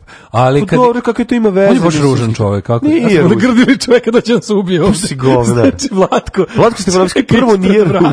Sa puškom. Sad će ti sa gitarom koji je pokojni Branko Radulović napravio, da se izbode sa onom špicastom u leđa. Kako se zove onaj lik što s njime se oni još ružniji, Kao njegov ružniji brat. Znaš, oni neki... Pa da, Majko, Levi Sol su se prodavali kao najružniji bend Jugoslavije. Bug, ja ne znam, ali ono... Tu su, ta su, tu su, ta su najružniji bend Jugoslavije, kada, Levi Sol! Kada Vlasto Stefanovski izlazi da svira sad u posljednjih nekoliko godina, izlazi s tim nekim likom, kako se zove taj drugi? Da, da, da. Taj drugi. Predrag Ružnić. E, ali veruj mi, to je Vlatko Stefanovski u, uključeno u pojačalo ružnoće. se, Vlatko Stefanovski uopšte nije ružan čovjek. Ne, ti si nešto pomešao. Ti imaš, Pa nije ružan, ono šta je te, šta znači? Mislim? Ajde, da, da završimo. Pa mislim, Vladko Stefanovski je lep. Katarakta i u posmatrača, šta znači, sad da završimo? Vladko Stefanovski je lep i koncerti su mu zanimljivi. Pa jesu, Dobre. daleko toga, ali sad it's not my cup of tea, mislim, ja ne, nis, ne volim toliko. Kako Slušam ti? njegovu muziku. Pa to i ja ali, kažem, ali, nisam rekao da to ono kao da ali to... to ne znači da, je, da, da ima, kako ti kažem, ajde pusti album pa preslušaj. Ju, to bi tek ne bi, ono pre bi pustio album sa slikama da preslušam. Pa preslušaj. I, i boj, album sa njegovim baš, slikama. Ti baš, pa rekao si da ti je ružan, pa šta sad hoćeš? Yes. Ti baš imaš vremena u životu, ako imaš vremena da preslušaš. Znaš, njegov album traju tri dana. Pa neću da slušam njegove albume. Njegovi albumi traju tri ali dana. Ali kad uleti neka, ti ni ne znaš koliko pesama je napravi on. A ja da sve ti to u reklamama znam. Ja, ja nikad ne bi rekao da e, Sve ja to poštujem, tu su paragrafi. Mešaš pa zagrafi, da. mešaš ga sa, sa kime? mešaš ga sa atletičarima koji prave pesme tako što ona slažu, slažu skale. Hoću ti kažem da on nije taj nije taj autobus. Promašio si, to ti kažem, stavio si u jednu fioku, jeste, voli da preteruje, voli da ono, da solira, ono, ovaj, i, pa to njegov, i zadene. Njegovo sviranje jeste ali veliko soliranje. Nije, ima puno pesma, ima sve ono što ima na pesma. Nije ono soliranje zalepljeno za soliranje. Da, on, on izađe sam na, sa, na binu, bez benda. Pa ko će to slušati? Pa, ko će to da plati? Pa, i to ko, ko će da... platiti ostatak benda? Ti normalno, znaš kakav je život u Makedoniji. Gitarista koji svira električnu gitaru, a izađe bez iza bar bubnja. Ju, znači sad će doći makedonski, doći će lično, ne, doći će VMRO da ti budeš UMRO, e. da ti budeš u facu, UMR, e, UMRNO. Doći će VMRO da ti PDRN e u facu. Pa nek ti PDRN u facu, ovdje će sad se skupiti. Ja ću ono, Uglavnom, sad si uvredio moje rođake, makedonci si uvredio sa onim što si rekao za Vlatka Stefanovskog, skidam džingl, znači nema više džingla, ovaj, i mikroklime. Ne, molim, pa što si rekao? na da zdravlje Skoplje. Nema, to je njegova pesma. Ti ne bi ni znao koliko pesama ima Lebi Sol da znaš i da ih voliš Ma, da ih pevušiš. Lebi sol je isto katastrofa, ali je bolje Šta, od ne voliš, ne voliš kao pa kao? Ali je mnogo, mnogo bolje, ali je mnogo bolje od Vlatka Solo. Vlatko Solo je baš onako... Pa čekaj, izvini, šta je Vlatko Stefanovski nego Lebi Sol? Pa, ti, ti, ja, mi, ja mislim da ti u stvari nisi slušao njegove solo radove, a ne ja. Pa naravno da nisam, ali volim Lebi Sol, ali Vlatko Stefanovski je Lebi Sol.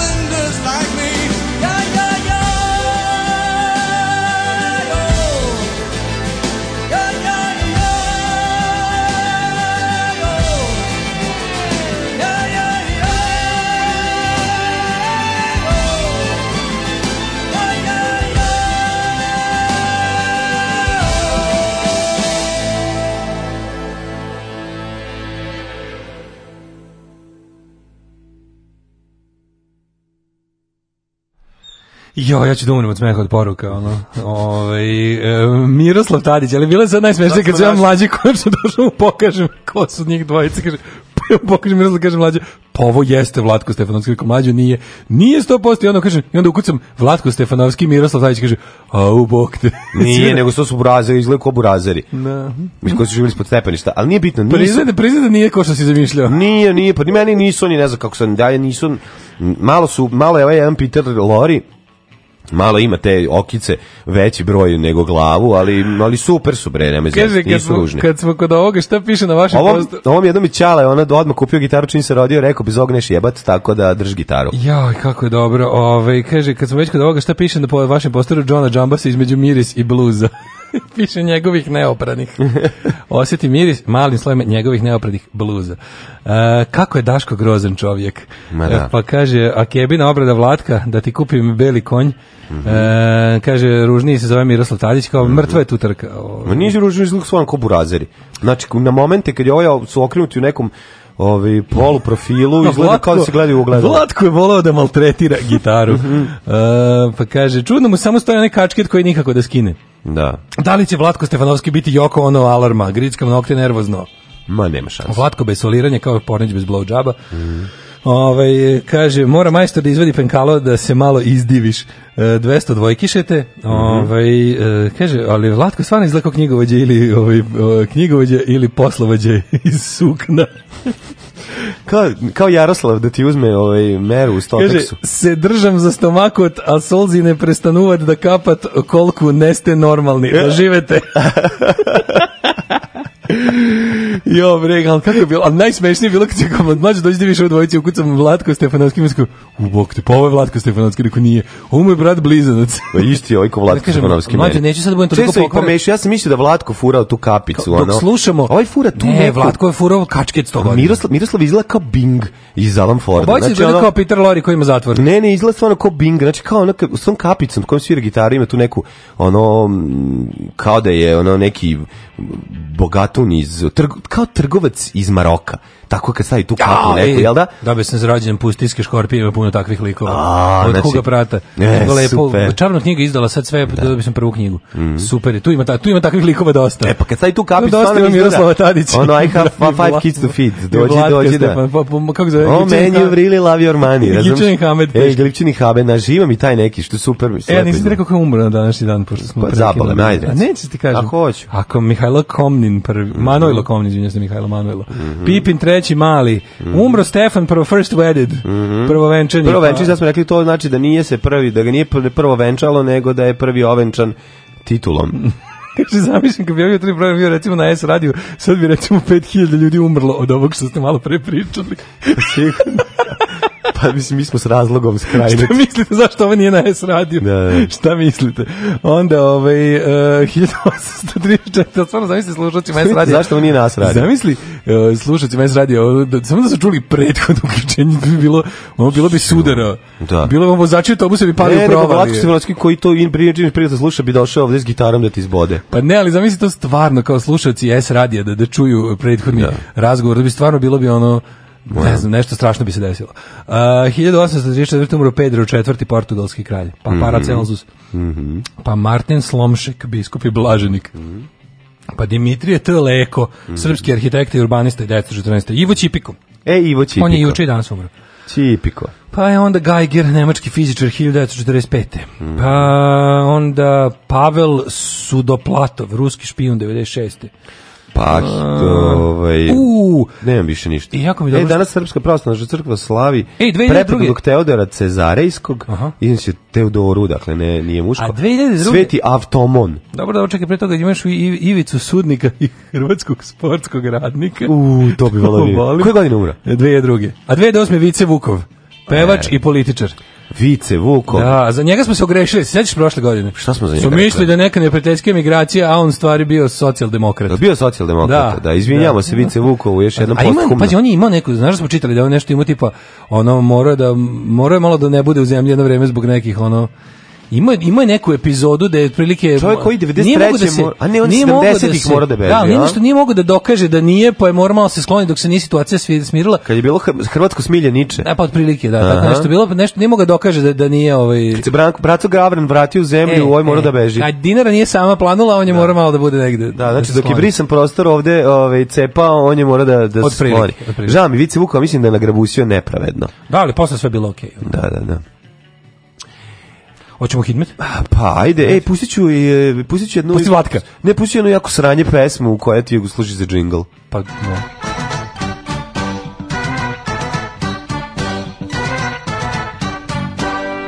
Ovo ti je Vlatko Stefanovski napravio u Čičinom remiksu, pa Dobro. ti vidi. Nije, ne, znaš. ne. Ne. Jest. Ovo nam je drug Vladan eh, na Jel nam napravi? da, A da. Vladan nam je napravio. Jeste, jeste. Vladan, od Vladana preko Vladana za, jeste, za Daška i Mlađana. Straight out of Swiss. Hvala. Ove, izvolite kolega. Ajde. Čitajte nam. Eh, vreme prilike i neprilike, eh, aktuelni podaci. Kaže ovako, vreme u Srbiji je sledeće. 14 stepeni u Subotici, Sombor 13, Novi Sad 14, Renjanin 15, Kikina 14, Majska 15, Loznica 15, Hoćemo kao sportski radnik. Može. Biti 15 valjao, 15 Mica. se prilika. Bogat 17 kako 15 15 20 11 se su priliku veliku Negotin su u utakmici Sjenica 11 A on je bio sportski komentator to je bio radio koji nije na, na, na stanici dobro pa dobro neko vrti, nije tako preći. neko vrti između Beograda Keca i dvojke pa dobro ajde ti onda bolje e, nastavi ti dalje ovaj kreni od crni vrh 11 ajde Negotin 17. Evo, Ovo... sad, sad sam otišao u ovoga, kako se zove, ko, iskovinjalo zvali? Pa ne znam. Zlatibor 12, Janica 11, Požega 14, Kraljevo 14, Koponik 9, Košumlija 14, Kruševac 15, Uprije 16, Niš 15, takođe Letkovac, uh, Zajčar i Dimitrovgrad i Vranje isto po 15, stanje na tabeli ne nepromenjeno. Možda, ovaj, možda ne znam da imitiram sportskog radnika, ali mogu svaki početak njegove rečenice zato što puši dok priča. I pa i onda se izduvava, dok izduvava priča, priča, Evo, priča, priča. Evo, ko, je, ko se, ko se žalio? Jel se, se Mihajlovski, ne, ko se žalio na, na, na ono kao... Koji se koji se naš sportski komentator žalio da im ne daju da puše više u kabinama za prenošenje da. i on kaže evo nisam jedini kolege Španci se bune. ne znam ali odlično. to bi Đorđe znao sada. Da, to bi uf, uh, on. Da je sa nama. E, biće e, biće u četvrtak. E, znaš ti kakav je Đorđe momčina? Znam, kraljina. Znaš ti kakav je to momčina bio? Veliki frajer. Ko šta ćeš da slušaš? Koja ti se pesma? Ma pusti nešto kad nema Đorđe. A? Pusti, šta, pusti nešto po svom izboru. Ajde, nešto po svom. Evo, evo nešto za tebe, može. Hvala. Lošu Leskovac, prštionicu Roštilja. Alarm sa mlađom i Daškom.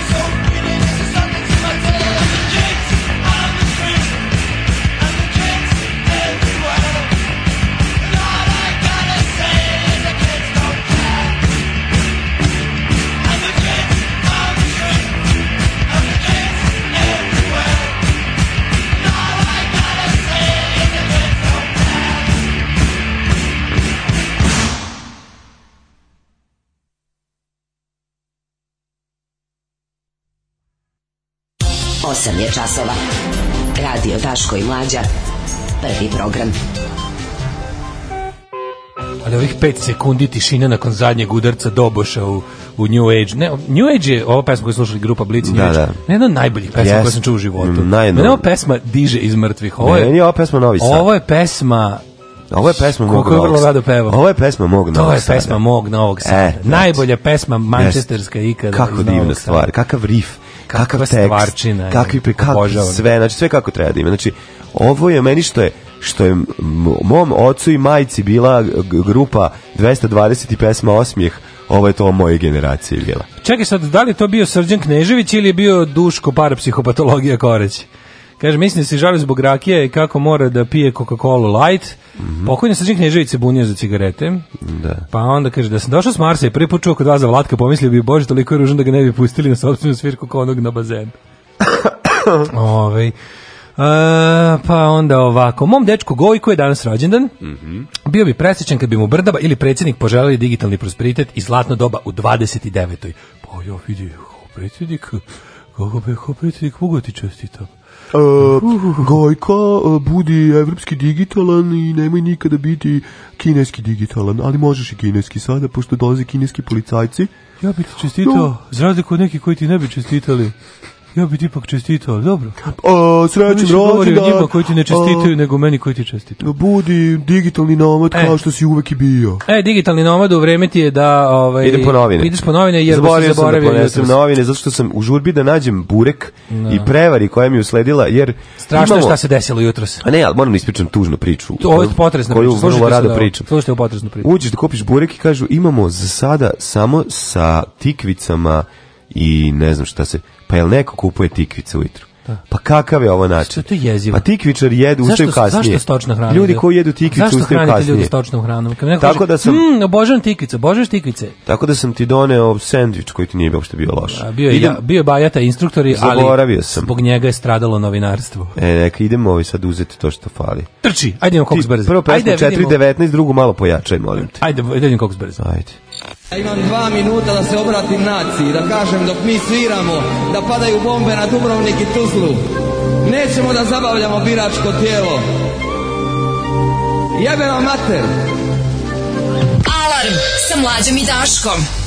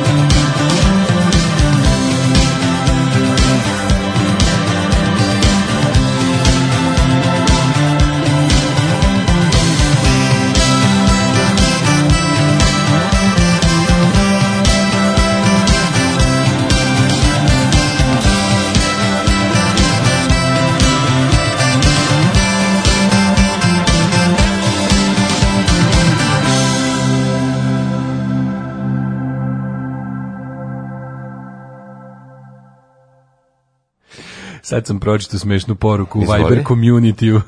Ode Delimano da baci bombu, sad će biti Pink Floyd i Doors. Nije, nije išao, išao je trčao je, zadiho se. Ovo što mislite, ja sad izmišljam izgovore ovako, baš kreativno. Ne, ne, ne, pa ne, on, pa kao, pa nema, on, on čak, on čak određeni ponos osjeća kad ode da, da. da baci bombu. Kažem ja. Tako da pa nije išao pa novine, zaboravio da kupi jutro s novine, išao kupi novine.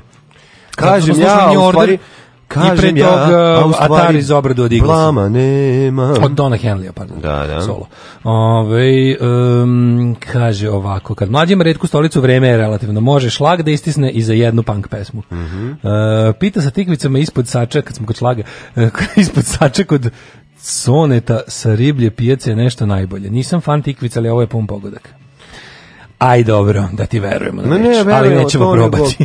Za teški, za hard work, ovaj radijski jutarnji potrebno je. Tikvica iz not cukini iz not enough. Da, cukini posle toga. Prvo, It's not enough. Prvo cheese ili ti mes i onda razgovor. Mes. Pa to je kontrol ovaj, no, Ja, ja otvaram, znači otvaram režimske, mhm. ovaj, otvaram režimske ove vrežinski, vrežinske režimski bazen. Da, vre... Otvaram ove režimske medije i gledam, pazi naslovi, molim te. Zorana, gradit ćemo šest autoputeva. Elon Musk, dolazim da ulažem u Srbiju. A, Onda Elon dalje. bez Musk, znači, dolazim ja ne penisa. Mogu, ono je, znači, koje su ovo vesti? Ima li nešto od Elon Skino Musk? Ali mislim stvarno, kao gde mi živimo, znaš, za sve gore i gore, ali ne, juče sam počeo da pričam baš sa, sa Đorđetom, ovaj, je li imaš utisak da se malo, da nešto, kao da izvrši neki, da, da su nešto, kao da Vučiću malo, Ehm, ne, nekomu poručuje čudno je da se malo malo se malo se nešto kao zadrmalo ne, ne kažem da će toga nešto biti, da tu ne učitam da. sve, ali, ali su se desile neke čudne stvari. Tipa naterani su pred ono svetom i, i domaćom javnošću da priznaju da su izborni uslovi u Srbiji užasni. Mm. Mislim, ti kad kažeš šta, šta su svi oni kao navodno predložiti iz tog za, ovoga predloga vidiš neviđeni cinizam i bezobrazluk, ali znaš, ono kao nevertheless vidiš i da oni priznaju koliko je no. Da. sranje u izbornom procesu i koliko Dobro, to sve... Dobro, oni to ne, ne, ne, ne urade, oni to svesno. Pa ne uradali, da, mislim, znaš, kao naterani su, oni da. su sad naterani sami da daju predloge, kao tipa svi da kao... Šta to znači? Mi, mi vama ne smemo da dozvolimo da ni slučajno uđete vlada Srbije, u, po, poštenu izbornu trku, zato što, mislim, to znači da ćemo izgubiti, ako izgubimo, znači da ćemo ići u zatvor. Dakle, mi moramo, sad da, iz... to... mi moramo da glumimo da ćemo da vam damo da imate poštenu kako, kako izbornu trku. Kako moguće? Znaš, kao, kako, kako pa nema nemoguće. To je bukvalno priznanje tvoje krivice. Ti onda kad se to desi u trenutku kada si ti na vlasti, a priznaš da izborni uslovi pod tobom koji vladaš 7 godina potpuno totalno ne. Da. totalno vladaš. Ove, ovaj, da, da su izborni izgledi toliko loši, da, stvar, da mere koje si ti predložio kao konstruktivni predlog same po sebi, znaš, ako nema šanse biti ti predložili amputaciju noge ako drugo ne može da se uradi. Da, da, da, da. Znaš, ako, posto, ako može drugo da se uradi, to, ali su bukvalno rekli kao treba, kad su u samim, u samim tim njihovim predlozima se vidi koliko je stanje loše. Tipa, da. zabranit ćemo funkcionarsku kampanju. Hoćete da kažete znači da je ima tvrdili ste da je nema. Ne. Drugo, ono kao najstrožije ćemo zabraniti. A ko je, i ono, jedino što smo juče isto pričali kao, nemoj sad da ispadne kao zabranit ćemo kampanju pa da je zabranite u, u Šapcu i Paraćinu. Pa naravno. Od prilike, razumeš, kažu, da znamo da je bila najveća pa funkcionarska pa, kampanja u Šapcu i Paraćinu. naravno da će tako nešto uraditi. Znači, kaznit medije, kaznit medije koji pišu uh, ostrašćeno danas. Da. Znaš, Danas, tako te... Vidiš kakve bezobrazlice. Pokrenut ćemo dijalog da na RTS-u bude opozicije. Tako. Znaš, mislim, ti znači s time da. priznaješ koliko su stvari loše. Pa onda, to, to, je samo jedan aspekt. Drugo je, prvo, to je čudno što su ovi naterani da uopšte izađu s time, što sad izlazi a, i najbolje mi što ovo i ministar policije, pazi, a, a ja, sve kako se polako stišavi ova afera sa oružjem, to tačno tri dana. Pa naravno. Tačno tri dana je trajalo, sve traje tri dana. Ne sad nema više ni veze, znaš, ono, više nema ni veze da li dolazi od režima ili od ono kao antirežimskih, ono, ili, ili kako hoćeš, već nezavisno nastavi. Sve bre traje 3 dana. I znaš kako će biti? Će to tako da nestane, pa će opet za par meseci da se upali na pola dana i da opet nestane. I sve je tako. Ja ne znam kako čoveku koji se bavio tim istraživanjem i pisao taj tekst i drndo se i te sve silne ljude zivkao i, nam, i ono istraživao, kako mu bre nije žao da mu priča crkne za 3 dana? Ma ne znam. To mi nije jasno. Mislim, ja da sam bio taj lik koji je istraživao to za oružje, ja, brate mili, ono, malo bi više se ovaj, ne. batrgao s time u javnosti. Mislim, ja znam da kad najđeš na zid koji ti predstavlja institucija, manje više si ga završio. Pa završio Ali si. možeš da nastaviš da držiš, dižeš tenziju u javnosti. Pa ti možeš toga. to ne da- treba da pustiš. Ti možeš da nastaviš da dižeš tenziju oko oko Nebojša Stefanovića, ali ne možeš više oko njegovog ćaleta. Znači, to je ono jedino što se proći. Ono gledajući utisak nedelje u, u, u subotu, šalim se, u, u nedelju, ne, ja ovaj, pa ne, ono kao skontaš zapravo da priča vezana za Nebojšu Stefanovića je toliko duboka da ono kao, to, kao, kao očekivati da će on da zglajza je ono to znači da, da, ekvivalent da, da, da past pad režima. Pa skoro da je pad režima, aj ne mora, znači ali mora Vučiću toliko mora da gori pod nogama Ljudi da koji, da, da on se da. njega neće, mislim on je njemu najveći poslušnik. S druge strane, on nije sam njegov najveći poslušnik, kako to nama izgleda kroz to maženje i ljubljenje njega. Ne, nije I taj osjećaj, nego on je čovjek koji kako kako sam saznao gledajući emisiju, ovaj koji bio jako bitan u, u, u otvaranju offshore kompanija. I zapravo da je njegova najvažnija uloga to bila. Kao Siniša Mali. Da, kao i da, da, da. Znači, to je i onda znaš da tu znaš... Ljudi, ljudi kada, kada Vučić bude Njegov morao... za sklanje, za, za sklanje Kao u šahovskoj partiji, kada ono moraš da daš topa, znači da je baš ono bilo... Po, pa da, znači, da čuvaš ovo, da, znači tako da nećeš ga dati, znaš. Znaš, kad moraš da daš topa ili kraljicu, kraljicu... Pa kraljicu neš dati sigurno, Ali recimo da su ovo topi kraljice, Siniša Mali i Nebojša Stefanović da. su kruna ono kriminalnog režima Aleksandra Vučića. Mm. I to, to su ljudi koji, koji ti ne trebaju, na primjer, pa to su ljudi koji bi, što bilo najgore, mislim, Što situacija kada, kada, kada, kada dođeš u situaciju, znači što meni samo nije jasno, ako dođemo ikad u situaciju da oni budu pretvoreni u svedoke saradnike, da bi se udarili na, na Vučića, recimo, kao i sa ti... Pa mislim, ne mogu biti pretvoreni, znaš, ono to, pa da, mislim, možda, možda, možda, ja, Bože, ko sve kroz istoriju se ono oprao od velike Svi su na kraju svedoci saradnici. Da, na, kraju će Vučić biti svedok saradnik protiv tome, trećeg, Tomislava Nikolića. Prilike, da. Ili znači će se, ili će se obrnuti, razumiješ, ispršiti da je mastermind cijela stvar. Tomislav Nikolić bi mogao biti svedok saradnik. A pa on bi mogao biti svedok saradnik. Jer on jeste u principu, ono... U principu njegova krivica je u... Znaš, ja ti kažem... Nema, ogromna njegova krivica, ne radi se tome, ali se radi o pa tome da bi da. ono mm, o, pazi, realno je realno isključen iz igre, kad su, kad su krenuli ove, ove poslednjih pet tura velikih pljački, no. Da. su izvršene manje više bez njega. I u, to, u toliko što su, znaš kako, to što ti kažeš kao postaće svedok saradnik samo zato što je ono kao u ranim etapama krivičnog dela izašao iz busa, ono razumeš? Da. Izašao sišao je na prethodne, znaš, nije išao do zadnje stanice. Ovi ide do zadnje stanice. Naravno, ono, bukvalno, naravno. E sad šta je fora što ti imaš tu, mi ne možemo da znamo kako ćeš još da traje, to je pod jedan. A po dva to na kraju će svi biti, što ti kažeš, na kraju niko neće biti optužen, na kraju će ono ili će naći neku budalu da svale da njega, znaš, na kraju će neki ono Pa mislim, biće na kraju će oni neki Vidiš kako se zove ovaj- kako se zove Bož, Nenad Popović je na kraju da ispadne, ono ne znam kakav. Ali... Nenad Popović neće nikad ispasti, o tome se radi, tek za njega ne brini. Znaš, postoje neki ljudi koji će ono, hoće ostati vest, večno. Mislim da će Nenad Popović ostati i kada SNS padne. I, i to da, ćeš da, da vidiš. Znaš, postoji, postoji pojačane, jako puno ljudi koji su, su da, jako mnogo večni. ljudi koji su večni, za koje misliš da će ono, znaš kao, ja sam mislio da će Željko Mitrović ono 2000. godine da završi svoju ono... Ne, sve svale Željko Mitrović i ono... I on, neće, o tome se radi, to je ono, znaš kao, ti moraš shvatiti da su to to je princip spojenih sudova. Mislim, drugo, ti ljudi se prelivaju. Drugo što je indikativno. I, i neće se, znaš, ono njima se, pa, mi moramo da shvatimo da pa ta, pa znam, da ti ljudi se slomi pa nešto. Pa slomilo se na slobi, razumeš, al ono na, na ovim ljudi koji si nabroja, pa ono su ljudi koji će Milošić jeste bio nama, ono kao Milošić jeste bio glava tog pola. Naravno da jeste. I samo što je fora što je u međuvremenu, znaš, ono što mi nazivamo sistem u, vre, u, u trenutku kada se kad se oseti da je glava načeta, da su da su počeli secke, razumeš, da ono da je Mislim, mi, mi našim tim vladarima ne odrubljujemo glavu sekirom, nego je britvom, ono, nožem za lebac, recimo. Mm, Sad kad osjete da su krenuli malo da ga, da ga stružu, e, onda se centar moći već, već ti kao oni iza zakulisni igrači, ovi pravi financijski igrači, polako traže sledeću glavu, razumeš? Da bi se ova mogla simbolično skinuti mm. i da se napravi nekakav simbolični, jel, raskica zato što uvijek treba da dođe a, kao nešto novo. Nešto novo, a to a neće. To, to nešto, doći, da, da. kao to nešto novo ne. Da. nikad nije novo zapravo. No, no, da. Ali postoje manje ili veće otkloni sa prošlošću, mislim znaš, nešto je manje, nešto je više revolucionarno. Nešto jeste prava revolucija, znači ne možeći da se ovdje nisu dešavale revolucije na ovim prostorima koje su to zaista i bile. Ali ono kao u, po kojoj cijeni i u kojim okolnostima. E sad ovo sa ovima našim naš, šta je još čudno? Čudno je prvo to što su ih natrali da priznaju da su da je to kako jeste.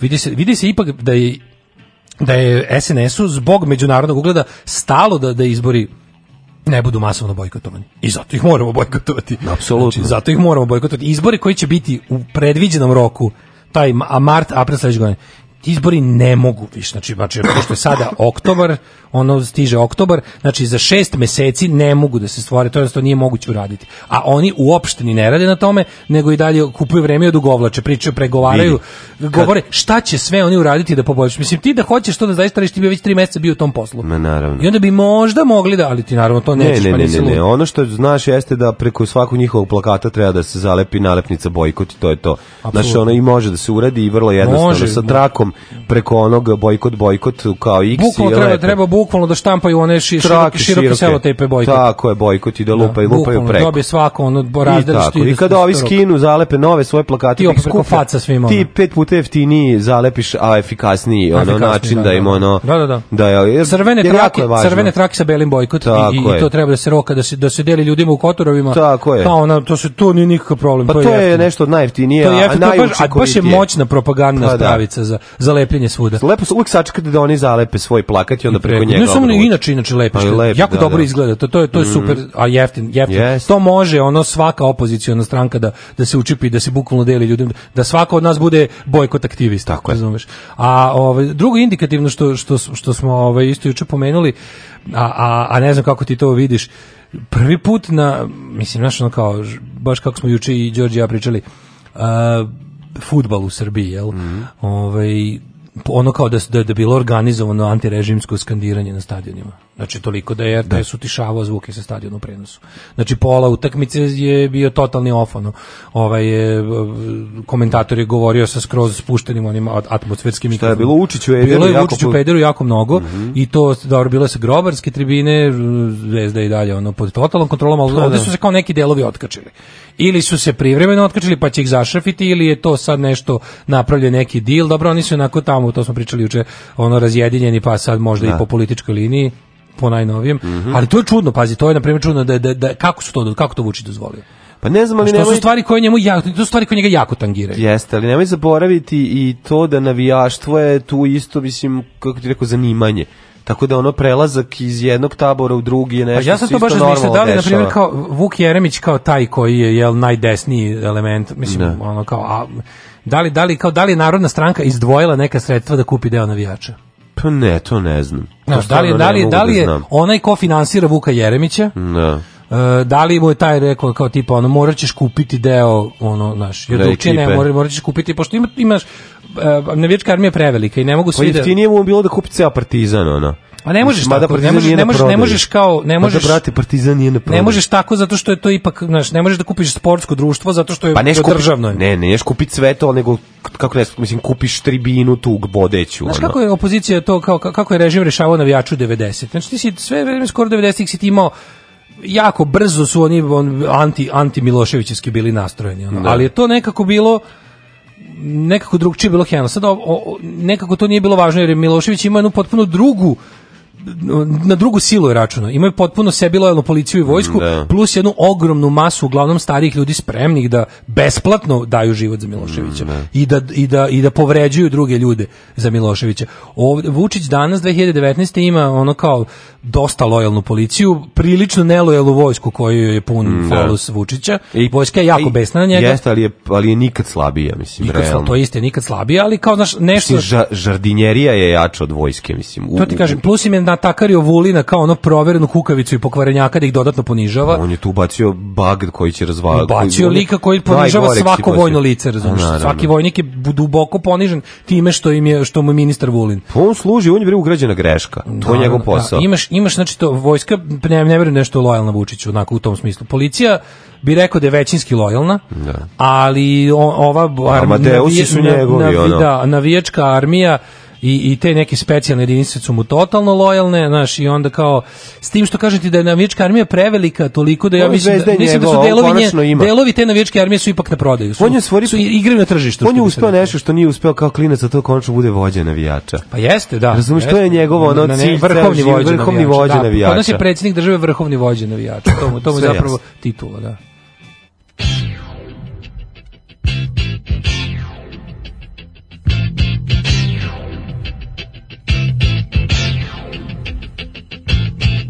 Iako osjećam te dok dan se budi Dok pršte ptice i dok zvone zvone Zbog tebe ne znam ni da li postoje ljudi I sve što volim da li s tobom tone Oh, oh, osjećam to Uzalud odzivam neko da mi kaže Da sve stvarno i da tako mora Plašim se da sama nikad neću znati Da živim život nekog drugog stvora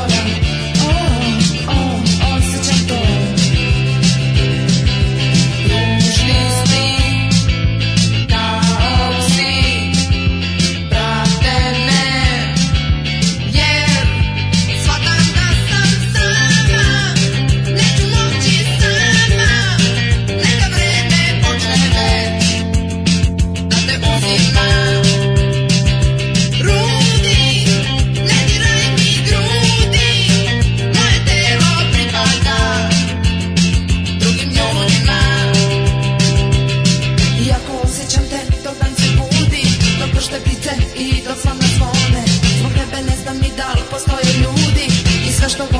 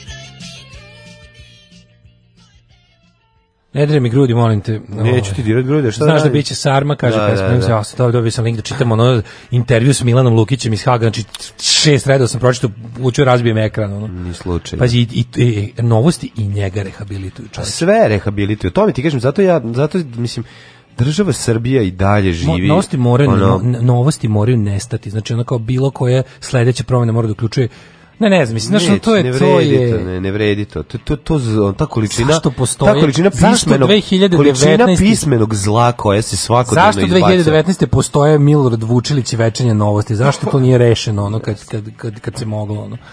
Ove... Ovaj- nije moglo, očigledno. Da. Ove, ovaj, Merkelova ima važne poruke za Vučića.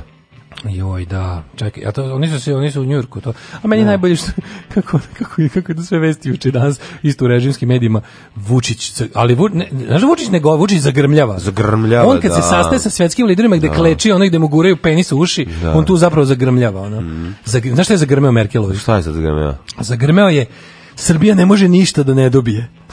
Znaš, ono ga, to liko toliko slatko. Dobit ćete ukidanje... Sad se stalno, sad se da, da. stalno... E, ovaj, Daj bar nešto da narativ se pomera na da. neće ni Srbije gole guzice se vratiti. Da, da, da, da. Osim što ono kao, to, to je bukvalno kao u sred pola pregovaračkog procesa je neko izmislio nešto da bi ono kao imao čemu da, ovaj, da pošto glavni pregovori su odavno gotovi i sad ti kao izmišljaš nešto, tipa došao si, znaš, došao si da te da. naguze, a iza kao, ej, E, uopšte nisam morao, po, posle, uopšte posle nisam morao da ostavim na bukake. Mm, da.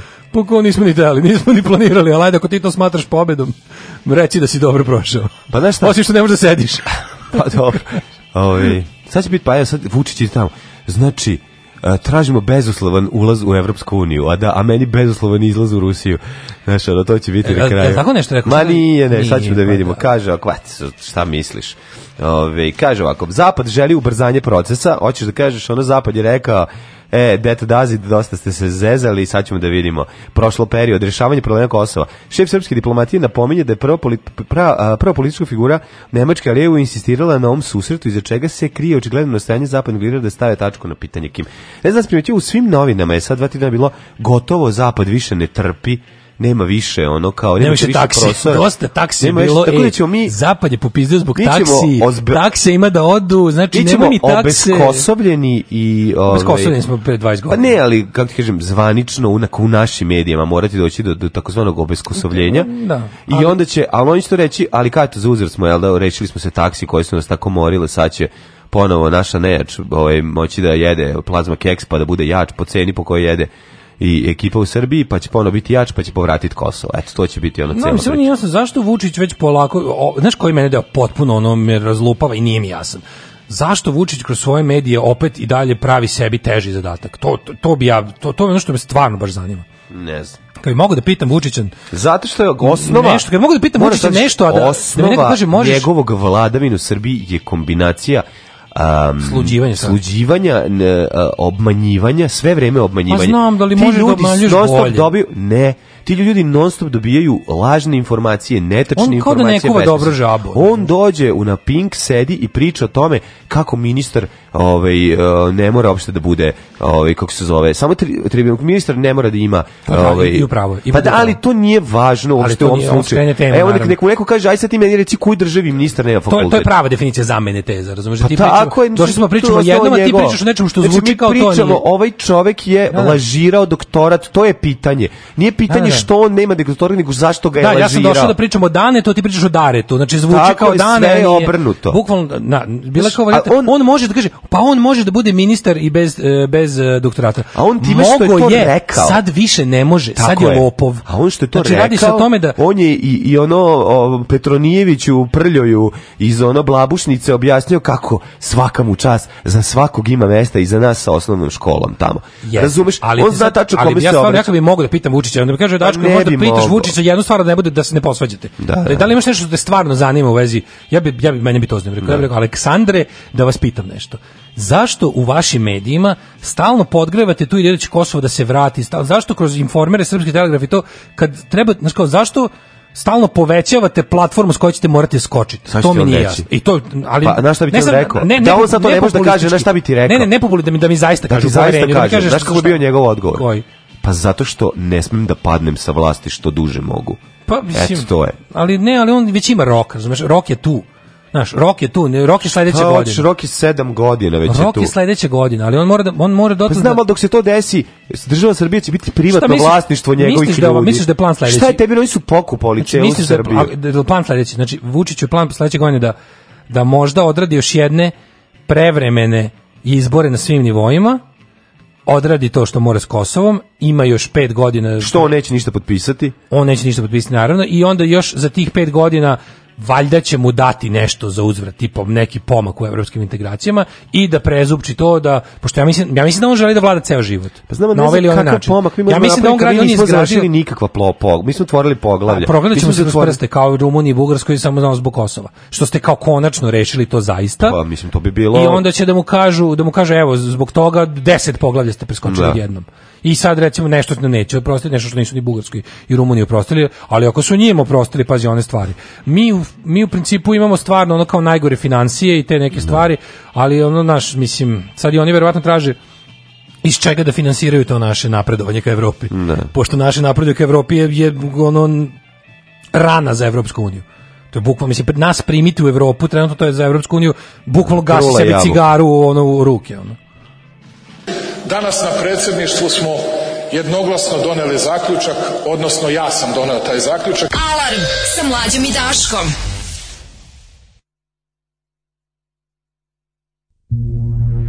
Hey baby, wake up from your sleep. We have arrived onto the future and the whole world is become electronic, supersonic, supersonic.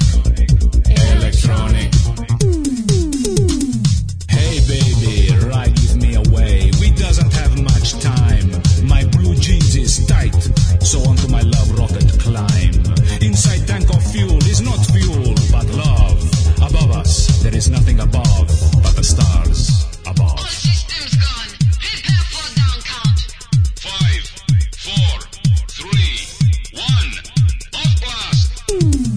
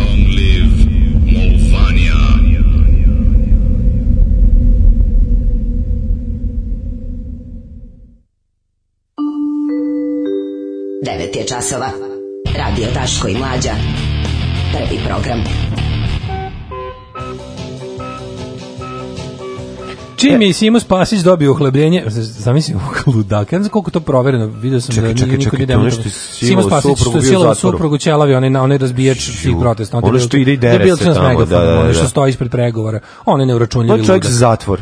Neuračunljivi ludak, čovjek za zatvor, i to za, za ono kao tipa, ono, bez prava na, na ono uslovni otpust zato što je stvarno ono, mislim opasan i pokoli verovatno po sebe kad nema po koga drugog da bude opasan je dobio navodno neko uhlebljenje u ministarstvu za rad i socijalnu politiku. Pa ja mislim da on pre toga već imao. Ja mislim da je on ono državni projekat. E, tako. Taj čovjek će se ono njega će iskoristiti kad bude trebalo da se ono batina neko da se napravi neki užas. A sad će mu ono dati još i značko da to radi.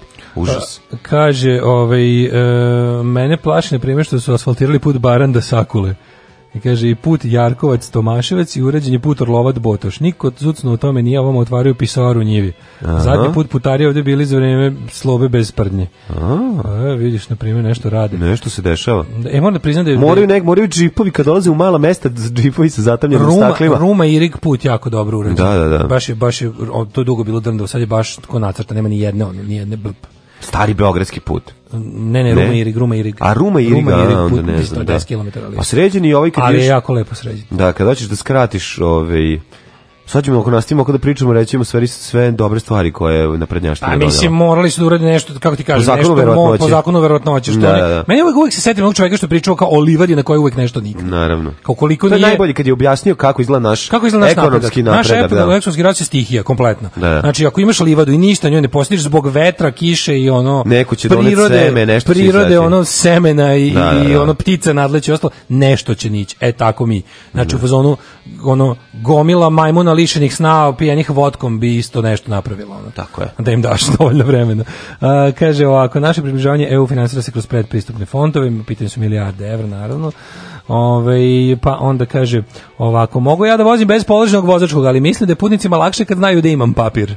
Mm -hmm. to, ali ne, kod, kod ovo priča sa, sa diplomom odavno mi je prevazišla on, to što smo rekli kako on zamenjuje teze. On znači kaže, oni ga pitaju za kao zašto je Siniša Mali e, ukrao doktora? Tako je. I onda kaže on, može, on može da bude i bez toga ministar. Tačno, ali nismo to pitali. Ne pitamo to, da, da, da. Znači, da. ti možeš da, evo, to je ovako kad kažeš ovako, za, zašto si, ne znam, ukrao neki auto? Ti kažeš, pa ja, ja, ja ovaj, pravdaš se time, recimo, ne. ne znam, trebalo mi je da dobijem posao u toj, toj firmi. Kaže, ali ono kao, uslov za posao u toj firmi uopšte nije bilo da imaš škola. Kao pa dobro, onda, onda ću da budem, onda dajte mi posao, ovaj, pošto i onako, znaš, a sad više ne možeš, sad si ukrao kola, da. sad ne možeš više da dobiješ posao jer si lopov. pa ne, e tako i ovo.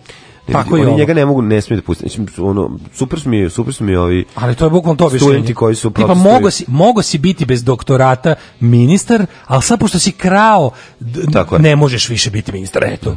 To je to, to je objašnjenje. Pa da, ali on, kažem, da, ovaj, njegova nesmenljivost će, će trajati dok god Vučić ne bude toliko gorelo da mora da ga skloni. To je ono naj najstrašnije i najtužnije. Znači, ja, nje ta sramota koja visi gde ono, naše obesmišljavanje, to, to jeste Vučićev posao, znači, obesmisliti institucije, sebe staviti kao vrhovnog vođu svi institucija i zapravo on je čovjek država, on je institucija i on rešava sve i u, u tom smislu je Nebojša Stefanović fantastičan ratnik koji radi posao za njega. Jeste, dovoljno Sjajno, mental, dovoljno mental, pojavno, dovoljno, je. onako, dovoljno, dovoljno je prefrigan za ove neke, upravo to. kako bih rekao, te zakulisne radnje. Upravo. Molim te malo da u, u sledećem satu da da odemo do ovaj do suda da vidimo bilo je prvo pravo ročište ovome obratio se Jutka sudu Ju, si slušaš šta rekao? Ne, ne, ja ću, ne. ja ću ti iznervirati. Ju, nemoj, molim te, da. Ja ću, ovaj. ja ću ti iznervirati. Ovaj, možemo da vidimo nekoliko interesantnih stvari. Ovaj, dosta toga se izdešavalo. Ovaj, treba da vidimo kako se zabranjuje paljenje sveća ovaj u crkvi ako sveću nisi kupio crkvi. O, pa to, je, to je ona stara to je, priča. Bukvalno ali... kao si mi rekao da su u crkvi ono Pa Znaš, dobro, ali ne piše se obaveštenje, to ti dođe pa ti pop, pop kaže nemoj to da, da radiš, skloni. To Iskupio to lepljenje. Na manastiru da, da. Hopovo je stajalo od, de, bukvalno od kada je došao onaj Halavi Iguvan. Od 91. Iguvan Halo. Sa povremenim ono skidanjem i vraćanjem, ali to sam po crkvama viđao da. već sigurno 30 godina. A i rođen je Batmanom bio pa obeležilo se u gradovima. Može. Znaš oca kako zove otac Boba? Otac, otac uh, Batmana. Otac Batmana? Da, ko je, kao je autor. Uh, a miš koga je pisao? Da, da kako je izmislio? Uh, izmislio ne mogu seti. Bob Kane. Bob Kane, bravo. Ako gledajući ovu emisiju pašljivo pratite pokrete borilaca, otkrićete u čemu je tajna svih ovih veština i u čemu je tajna duha borilaca. Alarms svakog radnog jutra od 7 do 10. Do 10.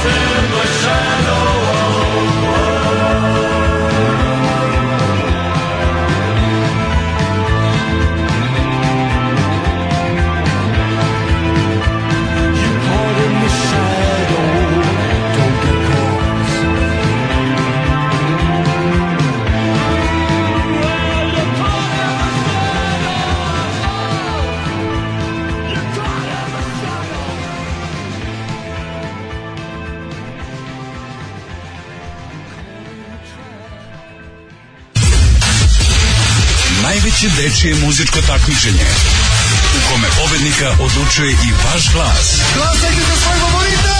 Uživo iz Vrnjačke banje.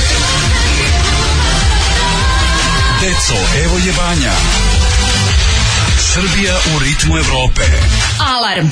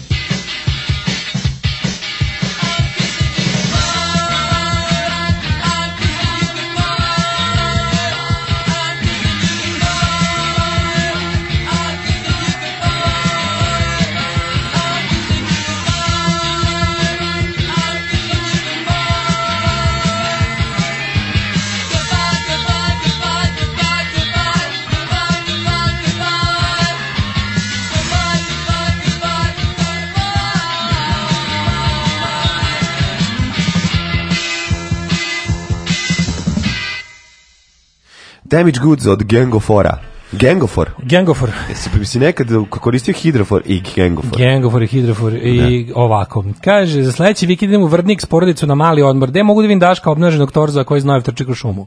Pa nije on tako blizu Vrdnika. Pa moja, znači moja trasa je Hopovo da. venac da. i tamo ti kraje. Kodu da mu otme iz njegove duše Hopovo. Hopovo, naravno. Uh, jel ovo za decu, decu, evo je banje, beše ritam Evrope, jel bilo nekih posledica, ne mislim na decu. Mi ne znam šta je s tim bilo, ja sam i dalje potpuno oduševljen što je to neko uradio i ne znam ništa o tome, ni šta je tu bilo, ni ko je to uradio, ali ja bi toliko volao da znam pozadinu te priče i da upoznam čoveka koji je ovo ubacio. Veliki je car. U džingl za dečje takmičenje, veliki je car. Sve te subverzije koje mogu se desiti Super, naj, najlepše mi je kad vidim subverziju na RTS-u. Onda bi tog čoveka koji tamo sedi u tom RTS-u i znam da je tamo ono Znaš kako je teško tamo zadržati duh, da ne, naš duh borilaca. U pitanju prva. Pa ne, ne, govorim ti kad ja volim, ne, aha, kad aha. vidim to mi je najdraže. Da. Kad im neki bezobrazluk tamo, razumeš nekog ono čoveka koji sad kao aj zabole me, nek znam da će me kazniti, biće manja plata i biće ono ne mogu da mi da, daju otkaz. Kad, kada fazon ne može da istrpi. Ne može da sačeka da to ne uradi. Znači to ne, ja bi, ja bi... taj duh čoveka koji nije duh borilaca. Pa duh borilaca, kažem, nije nije nije pustio da ga, ovaj da ga skroz baš zadavi, ono radu. Nije nije ga ubila da državnom preduzeću, pa to je najlepše. Ovo je doduše prva TV, ali je ovaj, isto važi. Da, Možda da, čak i da. još veće muda treba. Yes. Ovaj kad smo kod duha borlaca pitali, ovo jingle sve, je li to Svetolik Midić? Jeste. I to je emisija Link, Link, što neko reče, poslednja nerevizionistička ozbiljna emisija Tako u istoriji, je. bez obzira na soc, socko-tehnički deo, stvarno je. jeste ne, ne, odlično, te priče je odlično. Ali je on stvarno, stvarno, mm. taj, ja sam uživao. Ne znam da li još uvek ima neki na nekom tom RTS. Ima neki link da se pogleda link. Da li ima na tih nekih RTS-ovih satelitskih kanala HD, Super 2. A pa promenili su, ono, da. njegov glas su zamenili na onim delima. Ubacili su ono, priču o Draži Mihajloviću i oslobođenju Beograda. Da, Daško, da podelim s tobom i muškim delom diplom razreda Instagram at eh, soyneiva. da glavu odmorimo, desnicu da umorimo. Pokaži mlađi da se ne naljuti. Hoću ja da vidim šta Soj, sad ja govorim. Sojneiva. Da, da. Dobro. E, ovaj, e, sad idemo kod čovjeka koji je nije odmarao ni desnicu, glavu nikad nije umarao. Mm -hmm. Ovako, ovaj, čovjek kojem nije bilo dosta da, da malo ždrakne na Instagramu, da koristi ove pogodnosti interneta, nego mora lično da izmaltretira.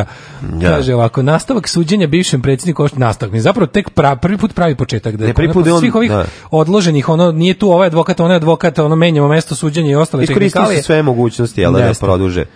Majko Mila, znači odbrana mu je stvarno, ja ne znam, dok si to smislio na mom sebi, mislio, da. odbrana, ja da sam sudija, ja bi da čujem ovu odbranu, ja bi rekao, aj mrš, mrš bre u pičku materiju, da. to bi mu rekao. Kaže ovako, to u stvari je službeni, slušaj ovo, ročište je utvrdio da telefon, on nije poslao ni jednu poruku. Ali znaš kao, on nije poslao... Nego ko je slao za službenog telefona? Nijednu od 15, koliko? 16 hiljada. 16 hiljada, nego? on je često taj telefon koji je službeni, pa ga nije često nosio samo, nego bi ga ostavio u lokalnoj kafani da se puni. I onda su ljudi odatle slali poruke. Juka! Pa ti mene zajebao. Ne zajebao te, ja, ja stvarno... Pa ne, ja da sam sudija, ne, ne, ne, ne, ne, ne, ne, ne, ne, ne, ne, ne, ne, Znači, bilo bi samo ne, ne mogu, znači ne mogu da te osuditi previše si iznad zakona, al dođe ti raspiznim jednu šamarčinu pošto nas sve ovde zajebavaš ne, ne, i, ne, i neki ide život. Ne, ne, ne, ovo, ovo, ovo, a, pa ne, ovo bi ga osudio na 100 e, godina. Evo, a ti bukvalno sad, to sam ti ovako rekao, a, Milutin Jeličić na ročištu u Kruševcu tvrdio da svoj službeni telefon često puni u kafani i da je tada sa njega verovatno neko mogao da pošalje SMS poruke. To njemu go, ono, neki govnarski advokat kao da ona ideju kao ideju, čime smo već jednom nekog šta, izvukli. A kaš misli kako mogu da izvuku? I neko je ono 3 6 meseci slao samo jednoj ženi poruku dok se punio telefon. znači on kao a on nije gledao šta je u outboxu, znači Ma ništa pa što nešto nije gledao šta je u outboxu, nego znaš kao pa to je toliko loše. Poruke su zastarele jer su od pre 3 godine, a mobilni operateri u svojim bazama ne čuvaju duže od godinu dana, zatražili su veštačenje. Joj bre, kaže, evo, slušaj, ima sledeće. Ne, ne, ne, ne. Ovako, kaže, Marija je uzimala telefon dok je stajao na punjaču i sama sebi slala poruke. Ako ovi u kafani nisu stigli možda tog dana. Sigurno to dolazile bi u da. kafanu. Znači, pošto je, ovaj, ne, nego, pošto nekad se punjač punjaju u kancelariji. Nekad u kancelariji, Onda je da, Marija da, da, sama sebi slala poruke, a onda bi ga odneli u kafanu da, u, da u kafanu pun, na punjač. Pa na punjanje, da ćeš, pa neš u kancelariji, da. Jer on, e, kada, Ej, na kraju će on biti, kada e, ostavi, ej, kafan, on, on, ostavi, ta, na kraju će, on ostavi telefon da se puni u kafani, a onda ode kući jer nije želeo da pati porodica bez, e, bez Dakle, njega. na kraju će biti ono, ono I plead guilty on charges of, uh, ono, otprilike, nepaženje na službeni telefon. Pa da, on charges of the phone. Of the phone. Plead guilty on charges of the phone. Unlawful charging of the phone.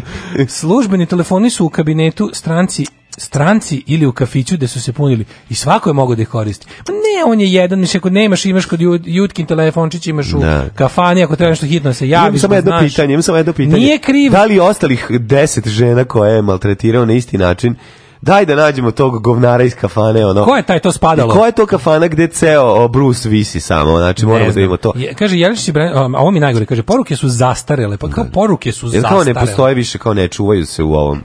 Ali poruke su za šta znači poruke su zastarele? Pa zato što ih nema u, u, u bazi ove ovaj, telefonske kompanije više. E, zanimljivo da je Zora Dobričin Branac Milutin Jeličić zatražila da Marija Lukić da iskaz u prisustvu neuropsihijatra. Ona je luda.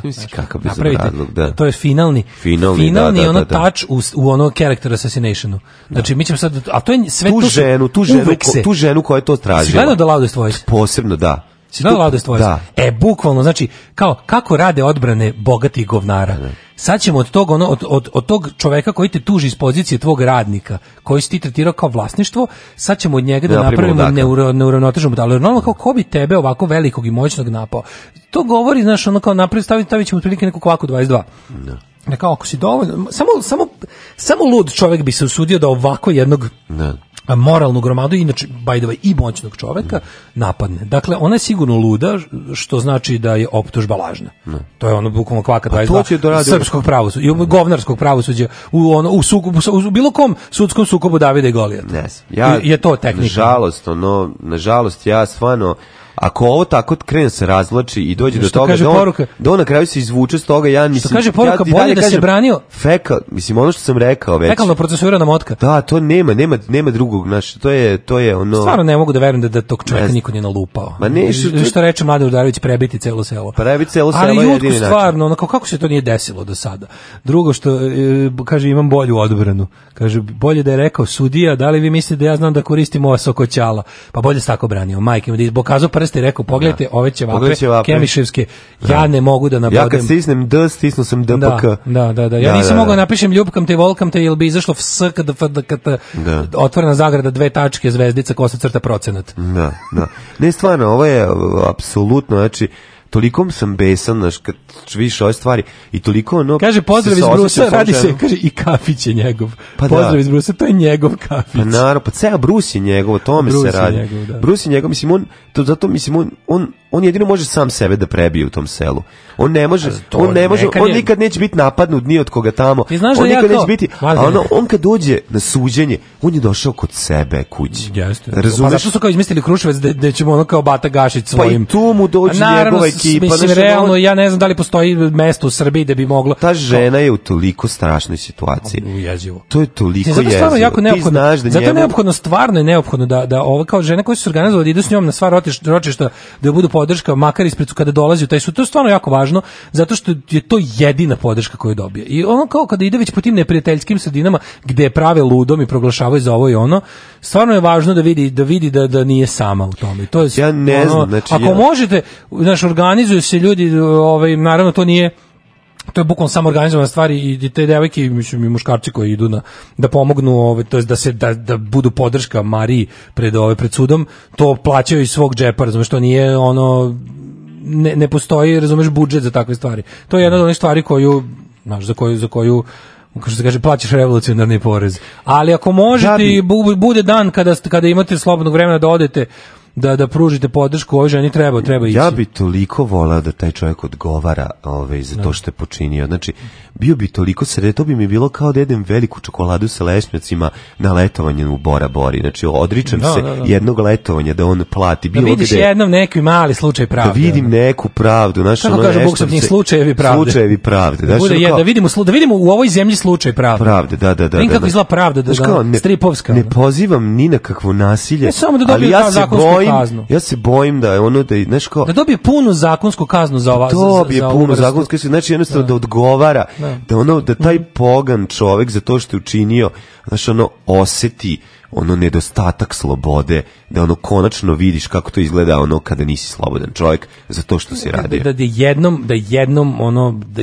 da, da jednom poneseš odgovornost da vidiš, da vidiš ono kao, i da, to je, to je, neko ko živi u Srbiji to, to ne vidi nikada jebote. Kad nas nema, bolje da se niste ni probudili. Nema mesta na jastuku koje niste ljubili.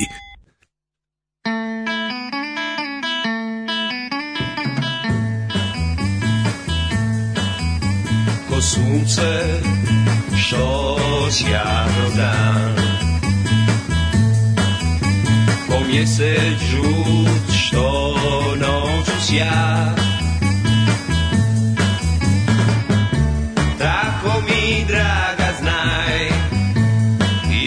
znaš ti Dok se smješkom promatraš svijet Ko jutra što dolaze zorom Ko rosa što na svijetu sja Tako mi draga znaj Izgledaš ti dok se smiješkom promatraš svijet. Ne mijenjaj nikada svoj osmijeh blag, čuvaj ga, on je sve što mi pruža sad. Ko jutra što dolaze zorom,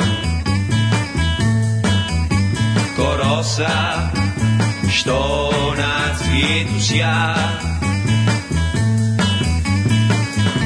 Tako mi draga znaj Izgledaš ti dok sa smješkom Promatraš svijet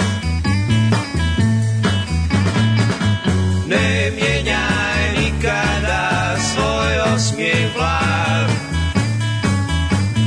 čuvaj ga, on je sve što mi pruža sad. Ko jutra što dolaze zorom, ko rosa što na cvijetu sja. Tako mi, draga, znaj, izgledaš ti dok sa smieš smieškom promatáš svet. Tako mi, drága, znaj, izgledaš ty, dok sa smieš smieškom promatáš svet.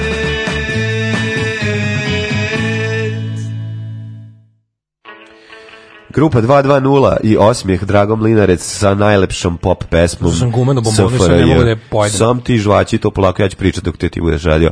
Ovo je numera koja je ovaj, koja je ucrtala Pojo. Pa put jugoslovenskom Pojo. Pa pop roku, rock and rollu. Da sprovedemo ustanak iz years and years, podrška Mari Plus da dobije kazne za sve ovo svinjarije od svedočanstva i davanja iskaza i to da bude kažnjeno. Pa mora biti Slušajte mladena kako bolnim promuklim glasom izjavljuje da žrtve letovanje na Bora Bora i čokoladu za malo pravde neprocenjivo potanka, potampam motku u septičku jamu, krećem za brus. Pa mislim krećem stvarno. Za Znaš, ono kao, odreko bi se, evo, poklanju jednu gitaru da on bude kažnjen. Kaže, taj, evo, e, ljudi, taj e, šta može, očeka, ako čovjek, taj čovjek kaže... možda ide u zatvor samo za ometanje suda i pakosne stvari koje čini od početka suđenja, ali on je čovjek dokaz.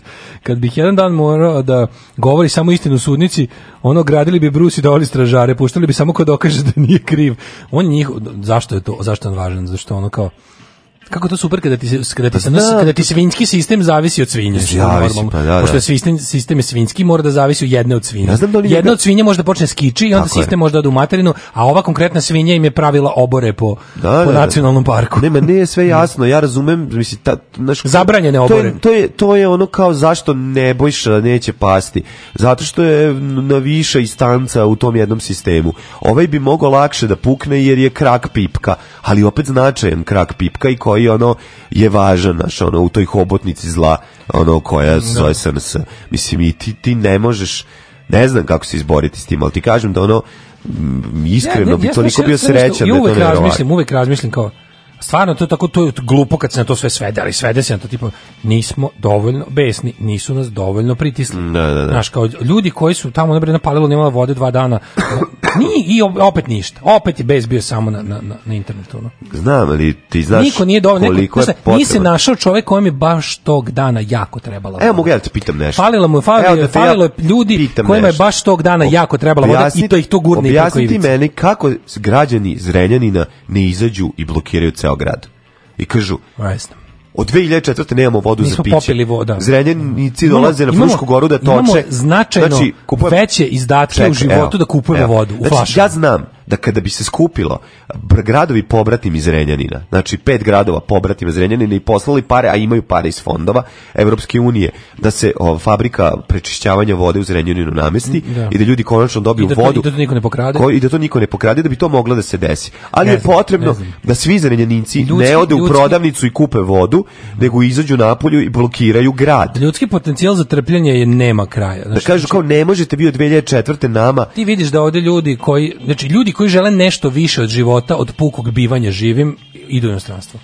Pa da, pa ne, lakše je pokupiti se od inostranstva. A nije lakše, nije čak ni lakše, što je najgore. Ja mislim da lakše je jedan dan popizdati sve, popaliti, polomiti i prebiti koga pa treba. Pa ne, ne može, ne može svi da se organizuju. Ma ne treba ništa ni da popale, treba samo da zaspreče. Juče sam imao O tome se radi, oni imaju svoje zakone. Da neko... Ja ti ne govorim, ovde ti govorim o zakonskom pravu čoveka, o protestu. Da, da, ti možeš da, da izađeš i da blokiraš pravo grad. Protest, pravo tvoje da pravi protestuješ zato što tražiš kao osnovo ljudsko pravo, a to je pitka voda. E, ali ti imaš pravo da znači? dobiješ pitku vodu. Još jedan problem, to je da protesti za kojeg ne stoji pretnja silom ne može da uspe.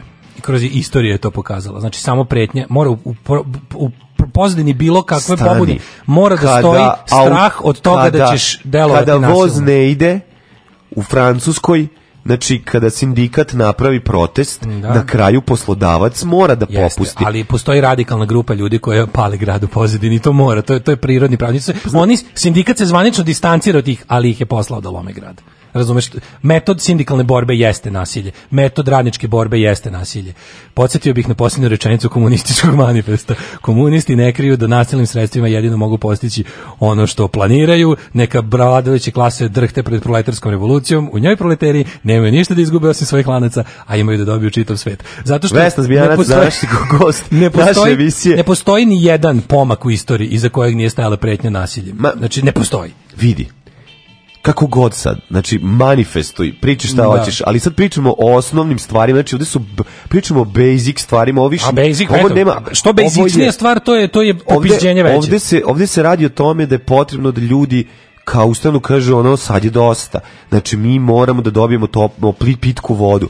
Mi ne možemo više da idemo i da tu punimo cisterne i donosimo kod nas i da glumimo da sve u redu. tehnikama i metodama se taj narod pacifikuje. Ja sad ne znam da ih objasnim i nisam se posvetio tome toliko, ali kad bi recimo posmatrao to malo duže, verovatno bih uočio zakonitost kako je moguće da ljudi nisu još popizdali razumeš, nečim, nečim, nečim su ono kao ono omamljeni.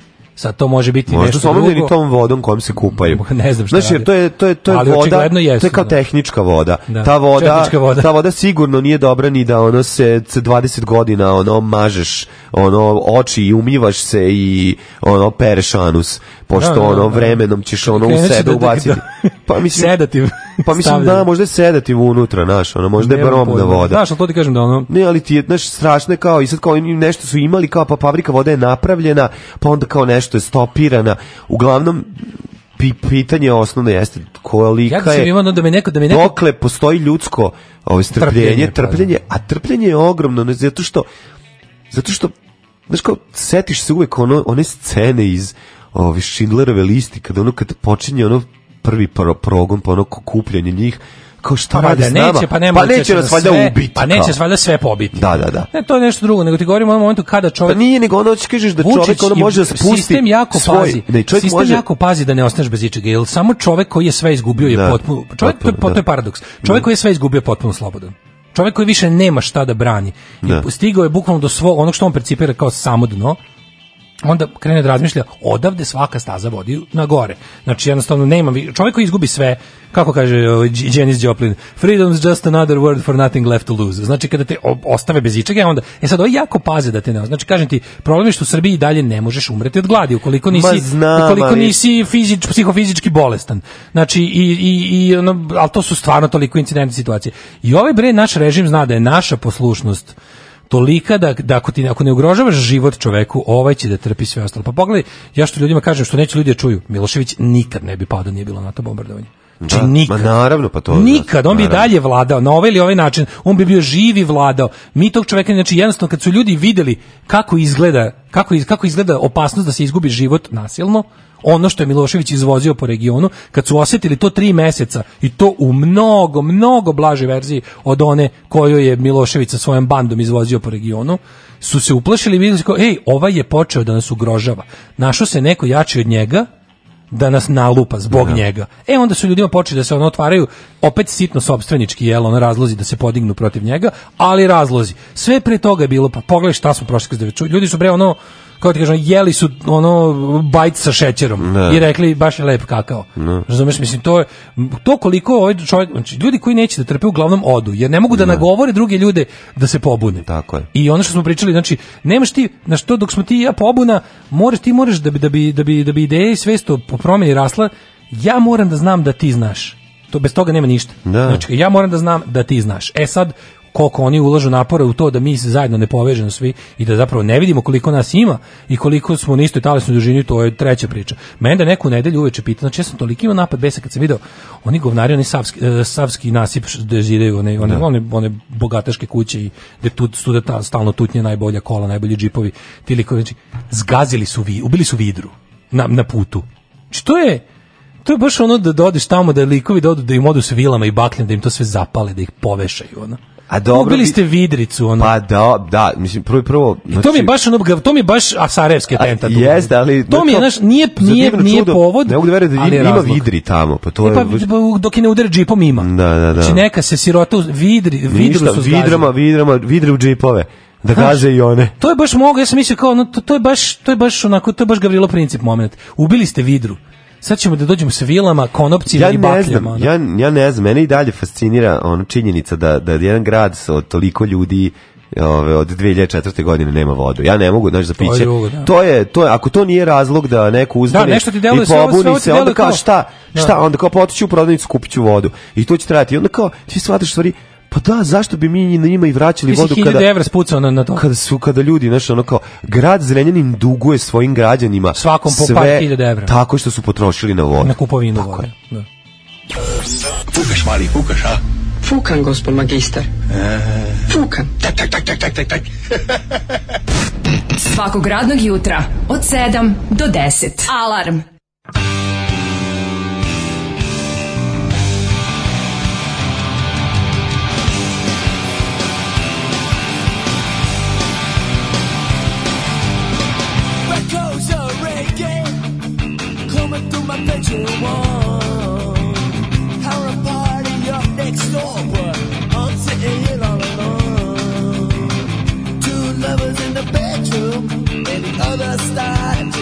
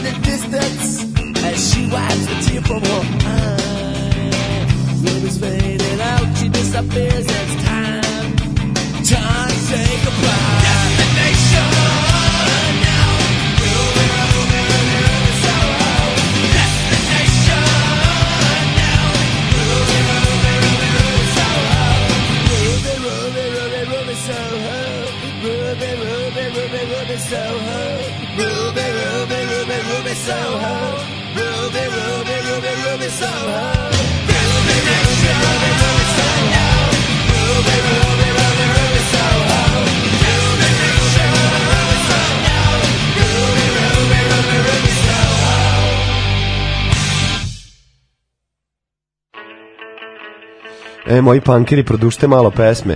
Treba da uzmem zalepim Rubi i Socko ovaj, u dva puta da se nastavi da vide kao i Teenage Kicks. Znači, moglo bi komotno da ima 4 minuta pesma ta vidra je zgažena tamo gde je vožnja automobilima strogo zabranjena. Da. Ove, ovaj, e, ali naselili su se vidre na Šatrinačko jezero. Bravo! Leviatan da reaguje zbog vidre. da, da. I e, to bi baš bilo no. mm, mm, Ići će da operu gume džipa da, da, da, da. vlasnika. Ko je zgažio vidru? Ko ja sam. Zgađu? dođite da vam operemo, da vam ovaj operemo gume, gume, ne možete tako krvavići, psolom, da. ne možete tako krvavići na skup srpske desnice. Da, da. Da, strogo je zabranjeno i o tome se radi ljudi, ono, ja mislim ja pratimo one kao savski, udruženje Savski nasip koji da. se bave tim. I ti ljudi su čak i ulazili u nekakve fizičke konfrontacije sa tim banditima tamo i svakim čas na tome i ono, treba nam više toga. Da. Ove, um, pa kaže ovako. Ima ova tuga, ovaj lik što je umro proseći devojku pod vodom, jo, kako je to tužno, zar on je u hotel? Da, to smo teli uče da, da pričamo, nismo stigli. Kakav je. Kakav mentol, ono. Jo, i to stvarno, kakav prestanite da mentol. da postavljate nemoguće. Za debilne ono, egzibicionističke da, prosjedbe, ali to kao... Stvarno. To, da. To je toliko Ja, Ne, malo šta je jadno od javne prosvete. Da, da, ostavit ćemo da... Ove... Ovaj- teo si da imaš, le, teo si da imaš lep moment za društvene mreže.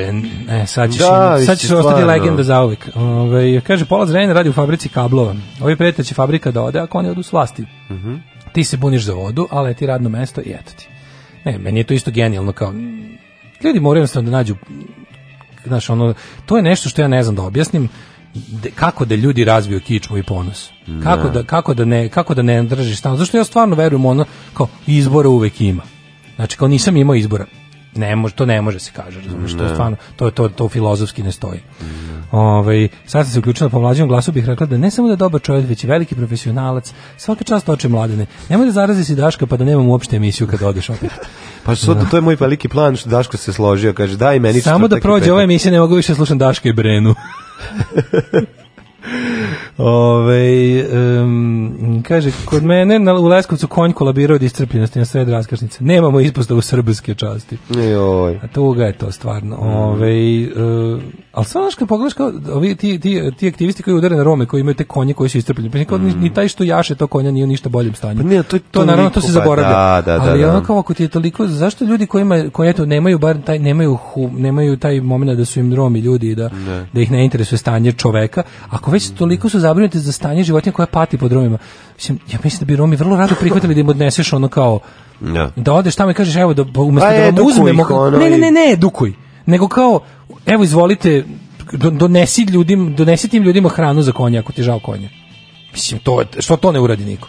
Razumeš? Pa, pa znam, ti, ti konja nema hiljadu. Ne, znam, baš konja nema toga, Znaš, kako bi ti rekao, ne, ako već hoće... vodili su i medvede pre toga, pa su medvedi na kraju sprečeni, to medvedi su oduzeti sve sad. Znaš, ono za da, konje da, ali... postoji način, znači postoji način kako oni treba da budu tretirani. Naravno. Ako edukuješ čoveka i omogućiš mu što ti kažeš, ono obezbedi mu hranu pa zob koju treba, ono senu, slamu, zob, zob, zob, zob, zob, zob. Ne, nego kažem, kažem, ono... kažem, ostavljam ti mogućnost da svoj rasizam ne diraš. Pa tako Ostavi ga, znači, da. pa, ti prljavi Romi koji neće da uči samo kradu, odlično, dobro, narod, da, super, da, da, neka, zadrži to svoje smrdljivo mišljenje, ostavi ga, a ovaj, pošto si zainteresovan za konja, molim te, ne, da. postaraj se, eto, pomozi, mm. naš, na taj način, a ne da ono kao, na kraju, ono, našiljiš ovde, pišu, a ne uradiš ništa. Pa sve jasno. Ne uradiš ništa.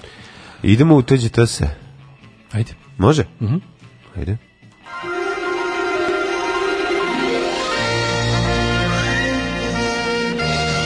Jet set. Jet set. Jet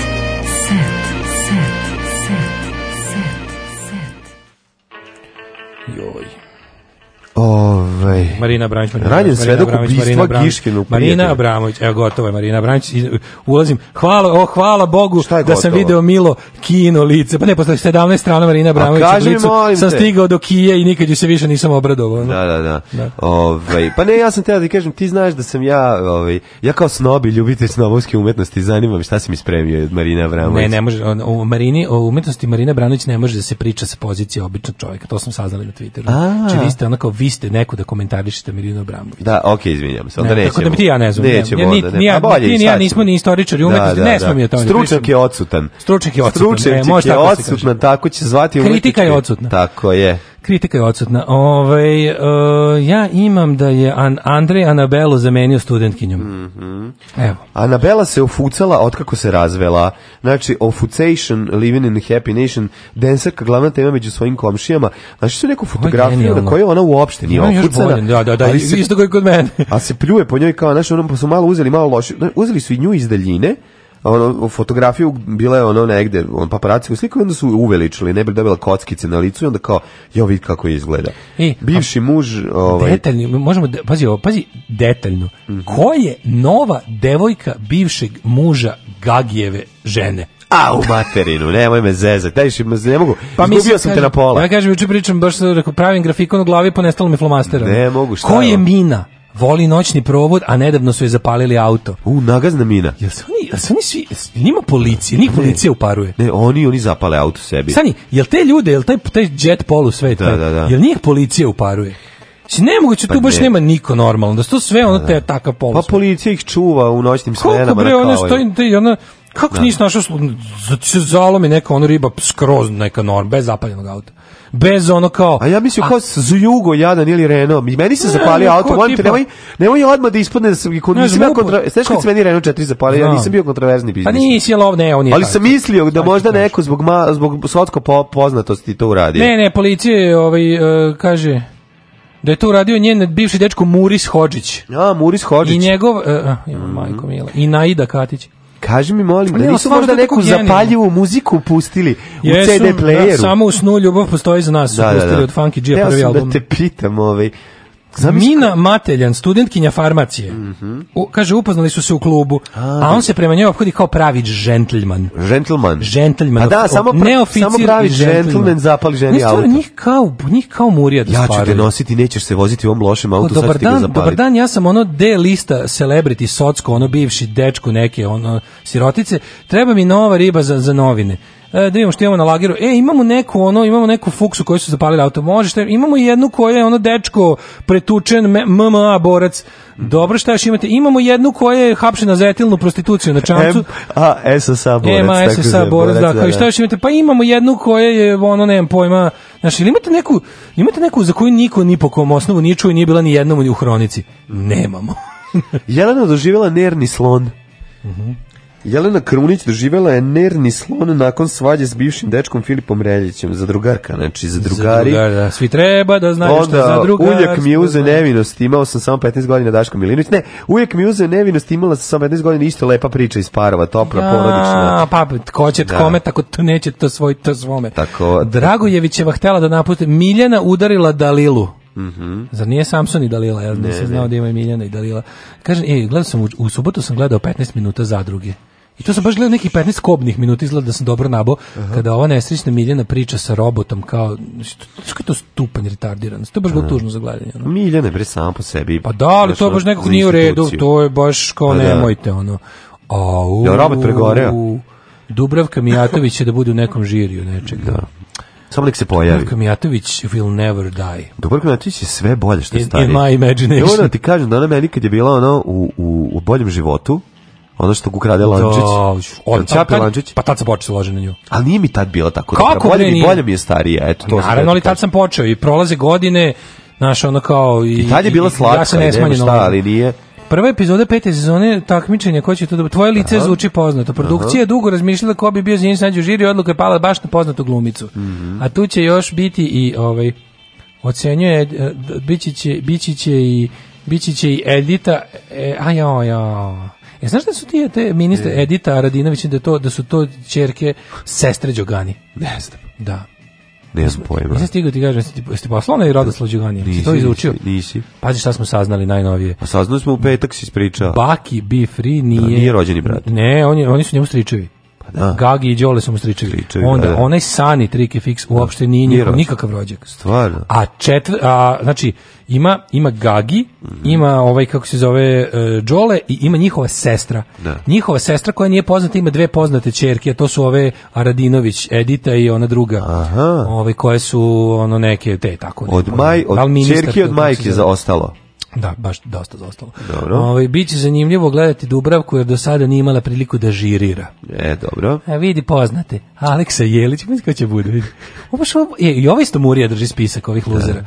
Aleksa Jelić, Daniel Kajmakoski, Ju Daniel Kajmakoski Ivana Negotin, Knez, Daniel. Nenad Pagonis, o baš ono, otprilike ono narodna kuhinja spisak. Odlično, da. Vranje, da odi cecu za 50.000 evra. Ne, u stvari konta da, pazi, dečke i e, momke i devojke im nabavlja Murija, takmičar, takmičar za reality im nabavlja ovaj Crveni krst. Tako je, a futbaler, futbaler pravi gala rođensku zabavu, ti ni moramo ovo za kraj. Dosta je jaka priča, Daško, izvini. Vranješ dovodi cecu za 50.000 evra. Vranješ, to je onaj u aferi sa Jelnom Karlevšom, što je ovaj, podgrevao kiflicu pa posle priča o mladežu, pa to nisu moje slike, pa bla bla bla, pa da. velika priča. Ovaj Vranješ sada pravi ogromnu Vranjem, nisi mm, rekao. Vranjem, da, da. Vranjem. Bivši ljubavnik Jelena Karleuše upriličići u oktobru u jednom od najboljih restorana u Grčkoj slavlje na kome će pored najveće balkanske zvezde stupiti i čuveni Antonis Čekaj. Remus. Nemoj me zezati. Da, Ari Emos. da. Ju. Ko je Antonio? Će pevati njegovu pesmu It's the end of the Worldos. Ne znam, ja sam ovaj mislio. Ja sam mislio. Night Swimmingos. Ne, ne, neće, nego drugu stvar. Losingos my religionis.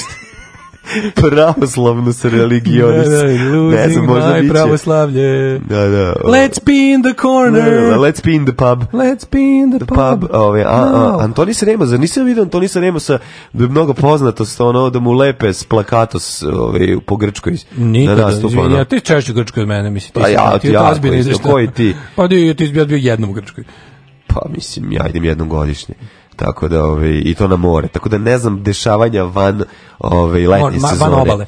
Da. Ognjen ne poznaje cecu, ne imaš imati prilike, za pe, ovaj, pošto će platiti 50.000 evra, imaće vremena, šta misliš za 50.000 evra? On je, ono, on je lovac na estradu, mislim. Ono. Ko, taj? Pa da, ono, od pa, da. Hoće noćiti u hotelu. Za 50.000 evra? Da, da, da. Pa ja sam čuo priče kako ceca zapravo nema love. Kao, pa priča se, priča se da ona kao ono, da hand in mouth, ono da je ono da nije baš kao da da nije ono tako. Estuma, šta? Ne, ne, estuma, da, da što bi se reklo da živi onako da dosta živi od danas do sutra, da nema neke ono Ja sam to čuo. Ti si pomešao, ne, ne, ne pomešao si. To sam ja. Ja živimo danas do sutra, a Ceca ima para. Kako sam vas dvoje zamenio se baš? Ne znam, baš ono kao. Ne. Te si ti ono kao, a Ceca živi danas. Ja sam čuo. Ne znam, ne, ne, ja nisam mislio da sad nešto Ja sam čuo da Aca ne, ne mislim Lukas da je, ne mislim da je siromašna, nego da to da nema one kao da to sve što mi čujemo te njeni honorari, to sve da, da to nije sve negde nagomilano da je zapravo situacija e, mnogo... Dobro, neki je ostama, mislim, ima kuću na Kipru i zarađuje Znaš kao, ne mislim da je siromašna, nego, mi, da. nego da to koliko bi ona trebalo da ako kao ako su to nastupi toliko koliko koštaju da ona kao da su to često neke fingirane sume da se a pa, uvek su fingirane sume da, da ono taj ko organizuje koncert zapravo uzme 9 desetina sume pa uzmu te svi ali nešto mislim CC tako je ta organizuje stvari u državi, pa Daško, mislim. Pa, pa, mislim. Nje, mislim da ona ipak samo ne organizuje ona ništa. To što se oni lože na nju. Pa dobro, ona je u, Ali ona im je super sredstva. U mislim. Jeste, ali mislim da ona više tu, kako ti kažem, da ona stvarno to ono Ček, procentarka. Izvini, ako Znaš da je 10%. Da da stani, ceca je... Mislim, šta hoćeš, 10%, 10 od milijardu je jako puno para. Ja sam samo čuo. Stani. Ako su lagali mene, ja lažem vas. Kaže, ja samo ceca, sam čuo da nema para. Ceca kada je bila u kućnom pritvoru, dolazio je ministar policije na slavu. Znaš u kom smislu ti to kažem? U smislu da kao recimo, kao što kao ko je najveći privatni du, jedan najveći privatni kao Željko Mitrović, razumeš? Da, da nema, vlasnik pa, imperije koji ne da. isplaćuje pla, e, u tom smislu ti kažem da. Pa dobro, ne znam koliko je Cecina bogatstvo odnosno na bogatstvo da. Željka Mitrovića, mislim to pa to pa ne, ne da je to više to da- neko kao fiktivno bogatstvo, da to nisu te cifre koje smo kao tipa zaradile Šuške se da je za novu godinu na, ne znam, ono, na trgu Jagodnje dobila 200.000 evra. Realno je dobila tipa 10, a ostalo su posisali okolo ti koji su posle, kojima je posle posisala to sam tada te pitao, za ovih 50.000 dinara, hoće posjetiti grčki budžet A, ne ili znam, će mislim, ono... Sisanje će biti u svakom slučaju. kaže, aj zdravo. Aj, čao. Oh, Tekst čitali Mladin Urdarević i Daško Milinović. Ton majstor Richard Merc. Realizacija Slavko Tatić. Urednik programa za mlade Donka Špiček. Alarm! Oh, you touch my tra-la-la.